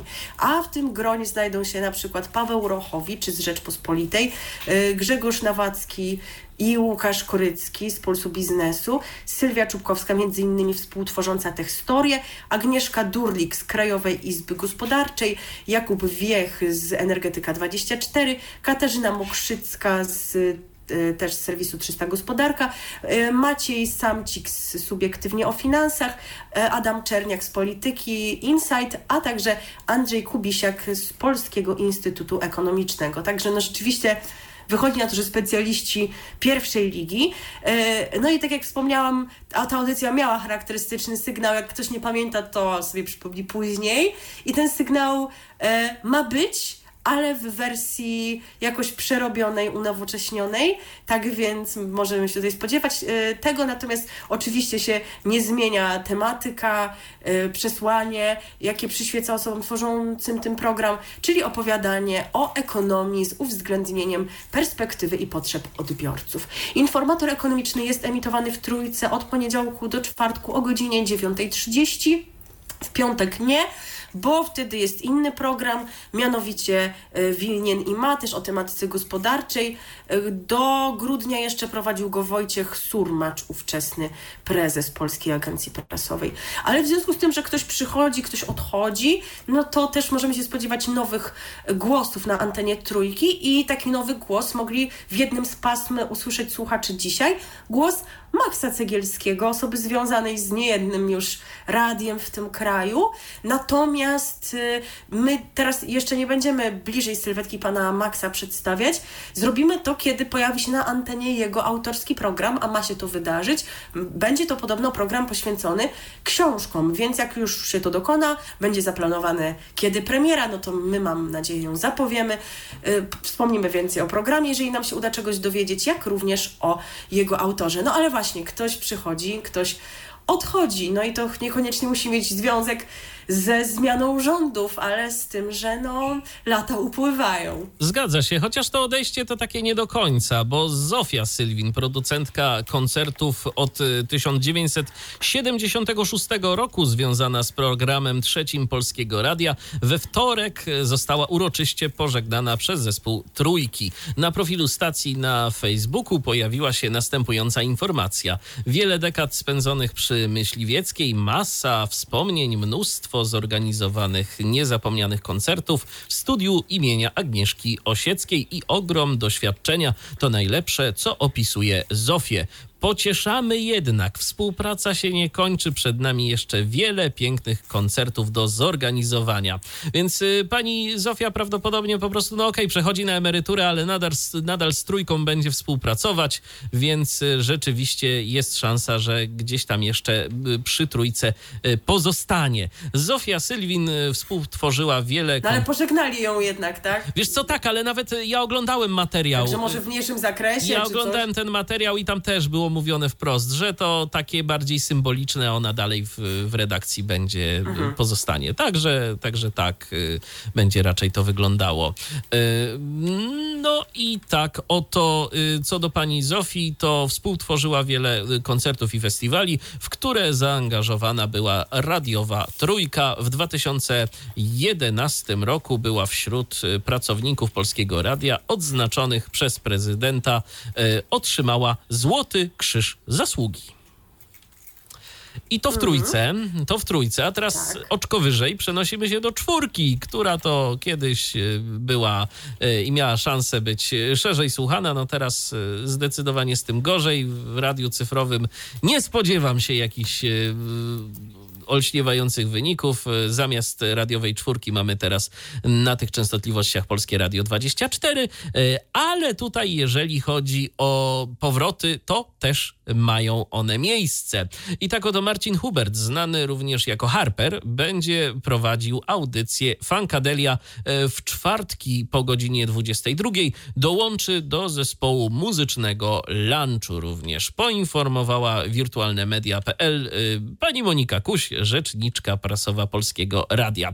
E, Jeżeli chodzi o ten muzyczny lunch, to jest to pasmo emitowane od poniedziałku do piątku o godzinie 13. Ale to nie jest jedyny powrót, bo Marta Zinkiewicz y, dołączy z kolei do prowadzących pasma weekendowe Kto pytał i Czarno na żółtym. Dziennikarka będzie przygotowywać materiały reporterskie, między innymi dla redakcji kultury. Yy, A któż to w ogóle jest ten pan Marcin y, Hubert? Y, Jest DJ-em i dziennikarzem. Zaczynał, gdy program Czwarty Polskiego Radia, obecnie program Czwarty Polskiego Radia, nadawał jeszcze jako Radio BIS, później jako Polskie Radio Euro, a od 2010 roku działa jako czwórka. Był y, nie tylko prowadzącym audycję, ale też wydawcą Wieczoru Rezydentów, członkiem redakcji muzycznej oraz autorem muzycznego bloga Czwórki. W styczniu 2023 roku poinformował w mediach społecznościowych, że nie przedłużono mu umowy o pracę. I też pamiętam, że o tym informowaliśmy. Natomiast e, pani e, Marta w polskiej, w polskim radiu, konkretnie w czwórce. Pracowała w latach 2021-2022. Później została redaktorką Fundacji Rozwoju Przedsiębiorczości. Twój stand-up. Startup, przepraszam. Stand-up to, to. Chociaż też no, można być przedsiębiorczym stand-uperem, czemu nie? W przeszłości, w przeszłości była związana z akademickim radiem Centrum. No i to tyle, jeżeli chodzi o te powroty do radiowej czwórki, ale nie o powroty do polskiego radia w ogóle. Tak, bo każdy, kto zna matematykę na jakimś elementarnym poziomie i orientuje się w polskim radiu, że jak mamy 1, 2, 3 i 4, to musimy sobie teraz przeskoczyć o kilka numerków, aż do numeru 24. Tak jest. A tutaj nowe osoby na antenie. I także programowa nowość, o której powiem. Być może kojarzycie taką postać jak Małgorzata Telmińska. To była dziennikarka TVN24.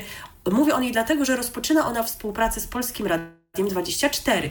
Będzie jedną z prowadzących nową codzienną audycję medyczną Samo Zdrowie, którą będzie współprowadzić z Arturem Wolskim. O nim powiem później, no bo on z Polskim Radiem już związany był wcześniej, ale najpierw o samym programie, który będzie nadawany w dni powszednie o 19.30. Będzie to półgodzinna audycja i gośćmi będą w niej osoby związane z szeroko rozumianym zdrowiem, lekarze, psychologowie i terapeuci.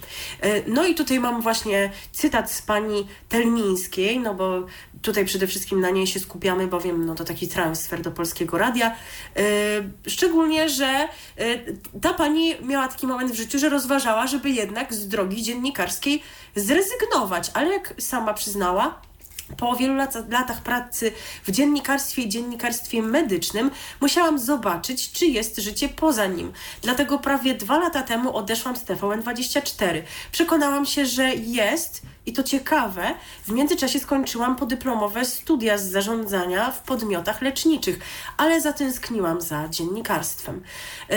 No i tak oto wraca z tym TVN-em. TVN24 była związana długo, bo od roku 2001 przez 21 lat jako reporterka, a ostatnio pracowała jako koordynatorka do spraw komunikacji i PR-u w LuxMedzie. A jej antenowy partner to, tak jak powiedziałam, Artur Wolski. On jest jest od lat związany z Polskim Radiem, przygotowywał wiele reportaży o tematyce naukowej, ma w dorobku cykle takie jak w pracowniach polskich uczonych, Człowiek i Nauka, Mapa Nauki Polskiej i Teatr Nauki. Jest jednym z prowadzących Wieczór z Jedynką. W roku 2015 otrzymał tytuł Dziennikarz Medyczny Roku, a w 2004 roku Nagrodę Zaufania. Także rzeczywiście specjaliści w dziedzinie medycyny, a tak więc nie tak, że wiecie, wzięli jakichś losowych dziennikarzy do poprowadzenia tego, tylko naprawdę kogoś, kto się na tym zna, ale to nie są, że tak powiem, jedyne nabytki, jeżeli chodzi o Polskie Radio 24. Zdecydowanie nie. Mamy jeszcze dwa nazwiska na liście i tak oprócz Małgorzaty Telmińskiej nowymi głosami w Polskim Radiu 24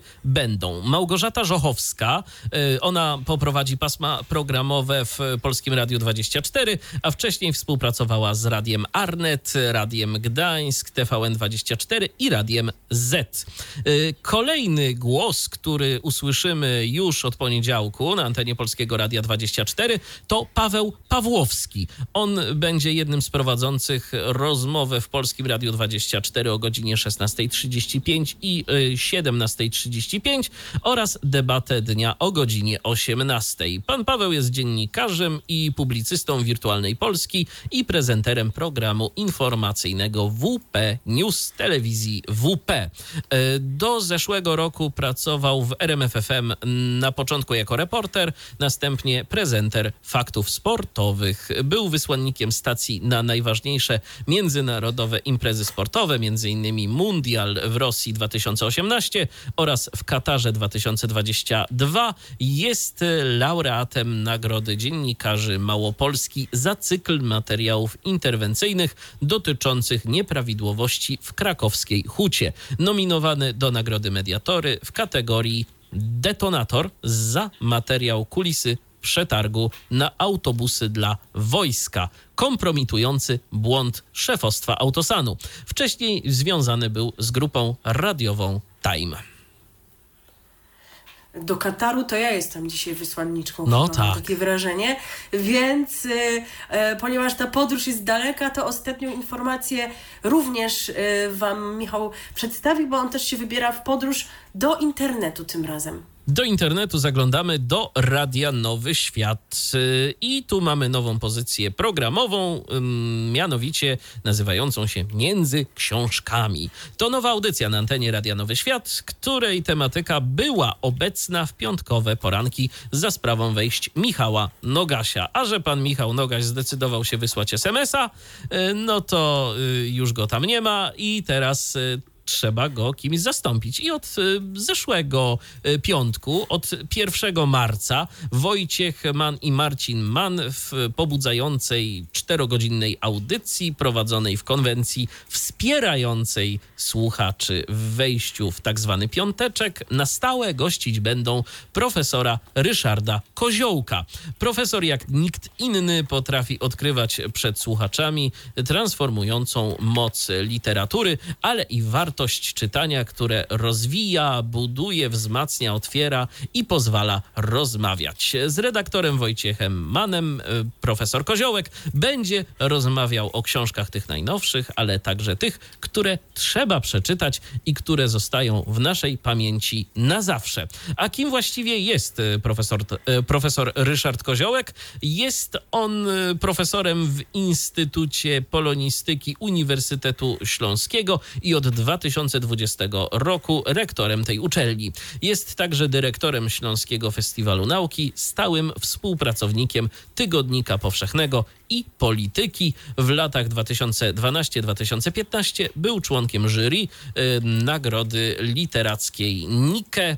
W 2010 roku otrzymał Nagrodę Literacką Gdynia y, w kategorii eseistyka za książkę Ciała Sienkiewicza Studia o płci i przemocy. A w 2017 roku otrzymał nagrodę imienia Kazimierza Wyki za wybitne osiągnięcia w dziedzinie eseistyki oraz krysty, krytyki literackiej i artystycznej. Więc no, nazwisko y, myślę, że mm, warte, żeby pojawiło się na No antenie Nowego Świata. Jak najbardziej. I słuchajcie, na takim wysokim poziomie zakończymy. E, wręcz może mielibyśmy ochotę sobie zaśpiewać hej ho, hej ho, do domu by się szło, e, skoro kończymy już na dzisiaj pracę, chociaż to nie pracę, a przyjemność przecież. A dlaczego ja akurat o tym? No, uważni słuchacze, którzy słuchali w swoim życiu trójki polskiego radia na pewno wiedzą, że ta melodia znana z bajki Disneya, tej, w której krasnoludki właśnie ją wyśpiewują, e, przewija się w dżinglu informatora ekonomicznego i ma się przewijać również w tej nowej odsłonie, tylko że w zmienionej wersji, tylko że z tą piosenką i z jej wersją, która brzmi w tym dżinglu, to nie jest wcale tak łatwo, bo by się wczoraj naszukaliśmy przez moment, prawda? Zgadza się, naszukaliśmy się przez moment. Przede wszystkim y, coś mnie tu zaczę, zaczęło zastanawiać, że wszędzie słyszymy hej ho, hej ho, a w tym dżingielku pojawia się nie hej, tylko haj. Więc prawdopodobnie mamy tu jakąś inną wersję językową. I tak, słuchajcie, przez tyle, tyle lat niemieckojęzyczna wersja tej piosenki pojawiała się właśnie w tym dżinglu.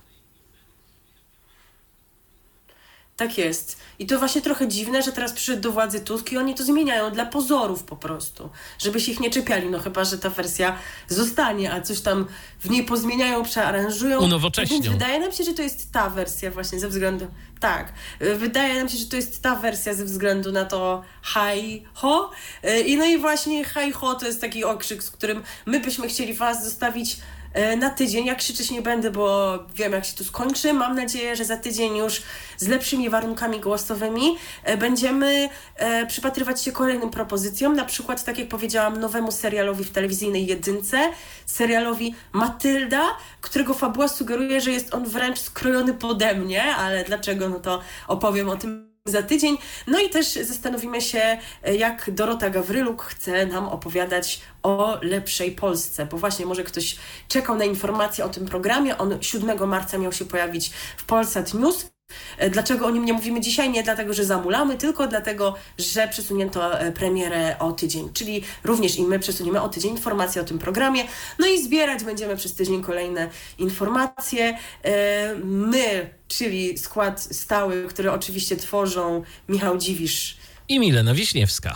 No a teraz na koniec cóż nam pozostaje zakrzyknąć jedynie haj ho!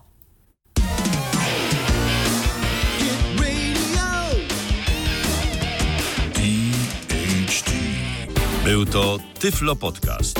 Pierwszy polski podcast dla niewidomych i słabowidzących. Program współfinansowany ze środków Państwowego Funduszu Rehabilitacji Osób Niepełnosprawnych. Przeboje, które łączą pokolenia. Trzy pokolenia. Radio DHT.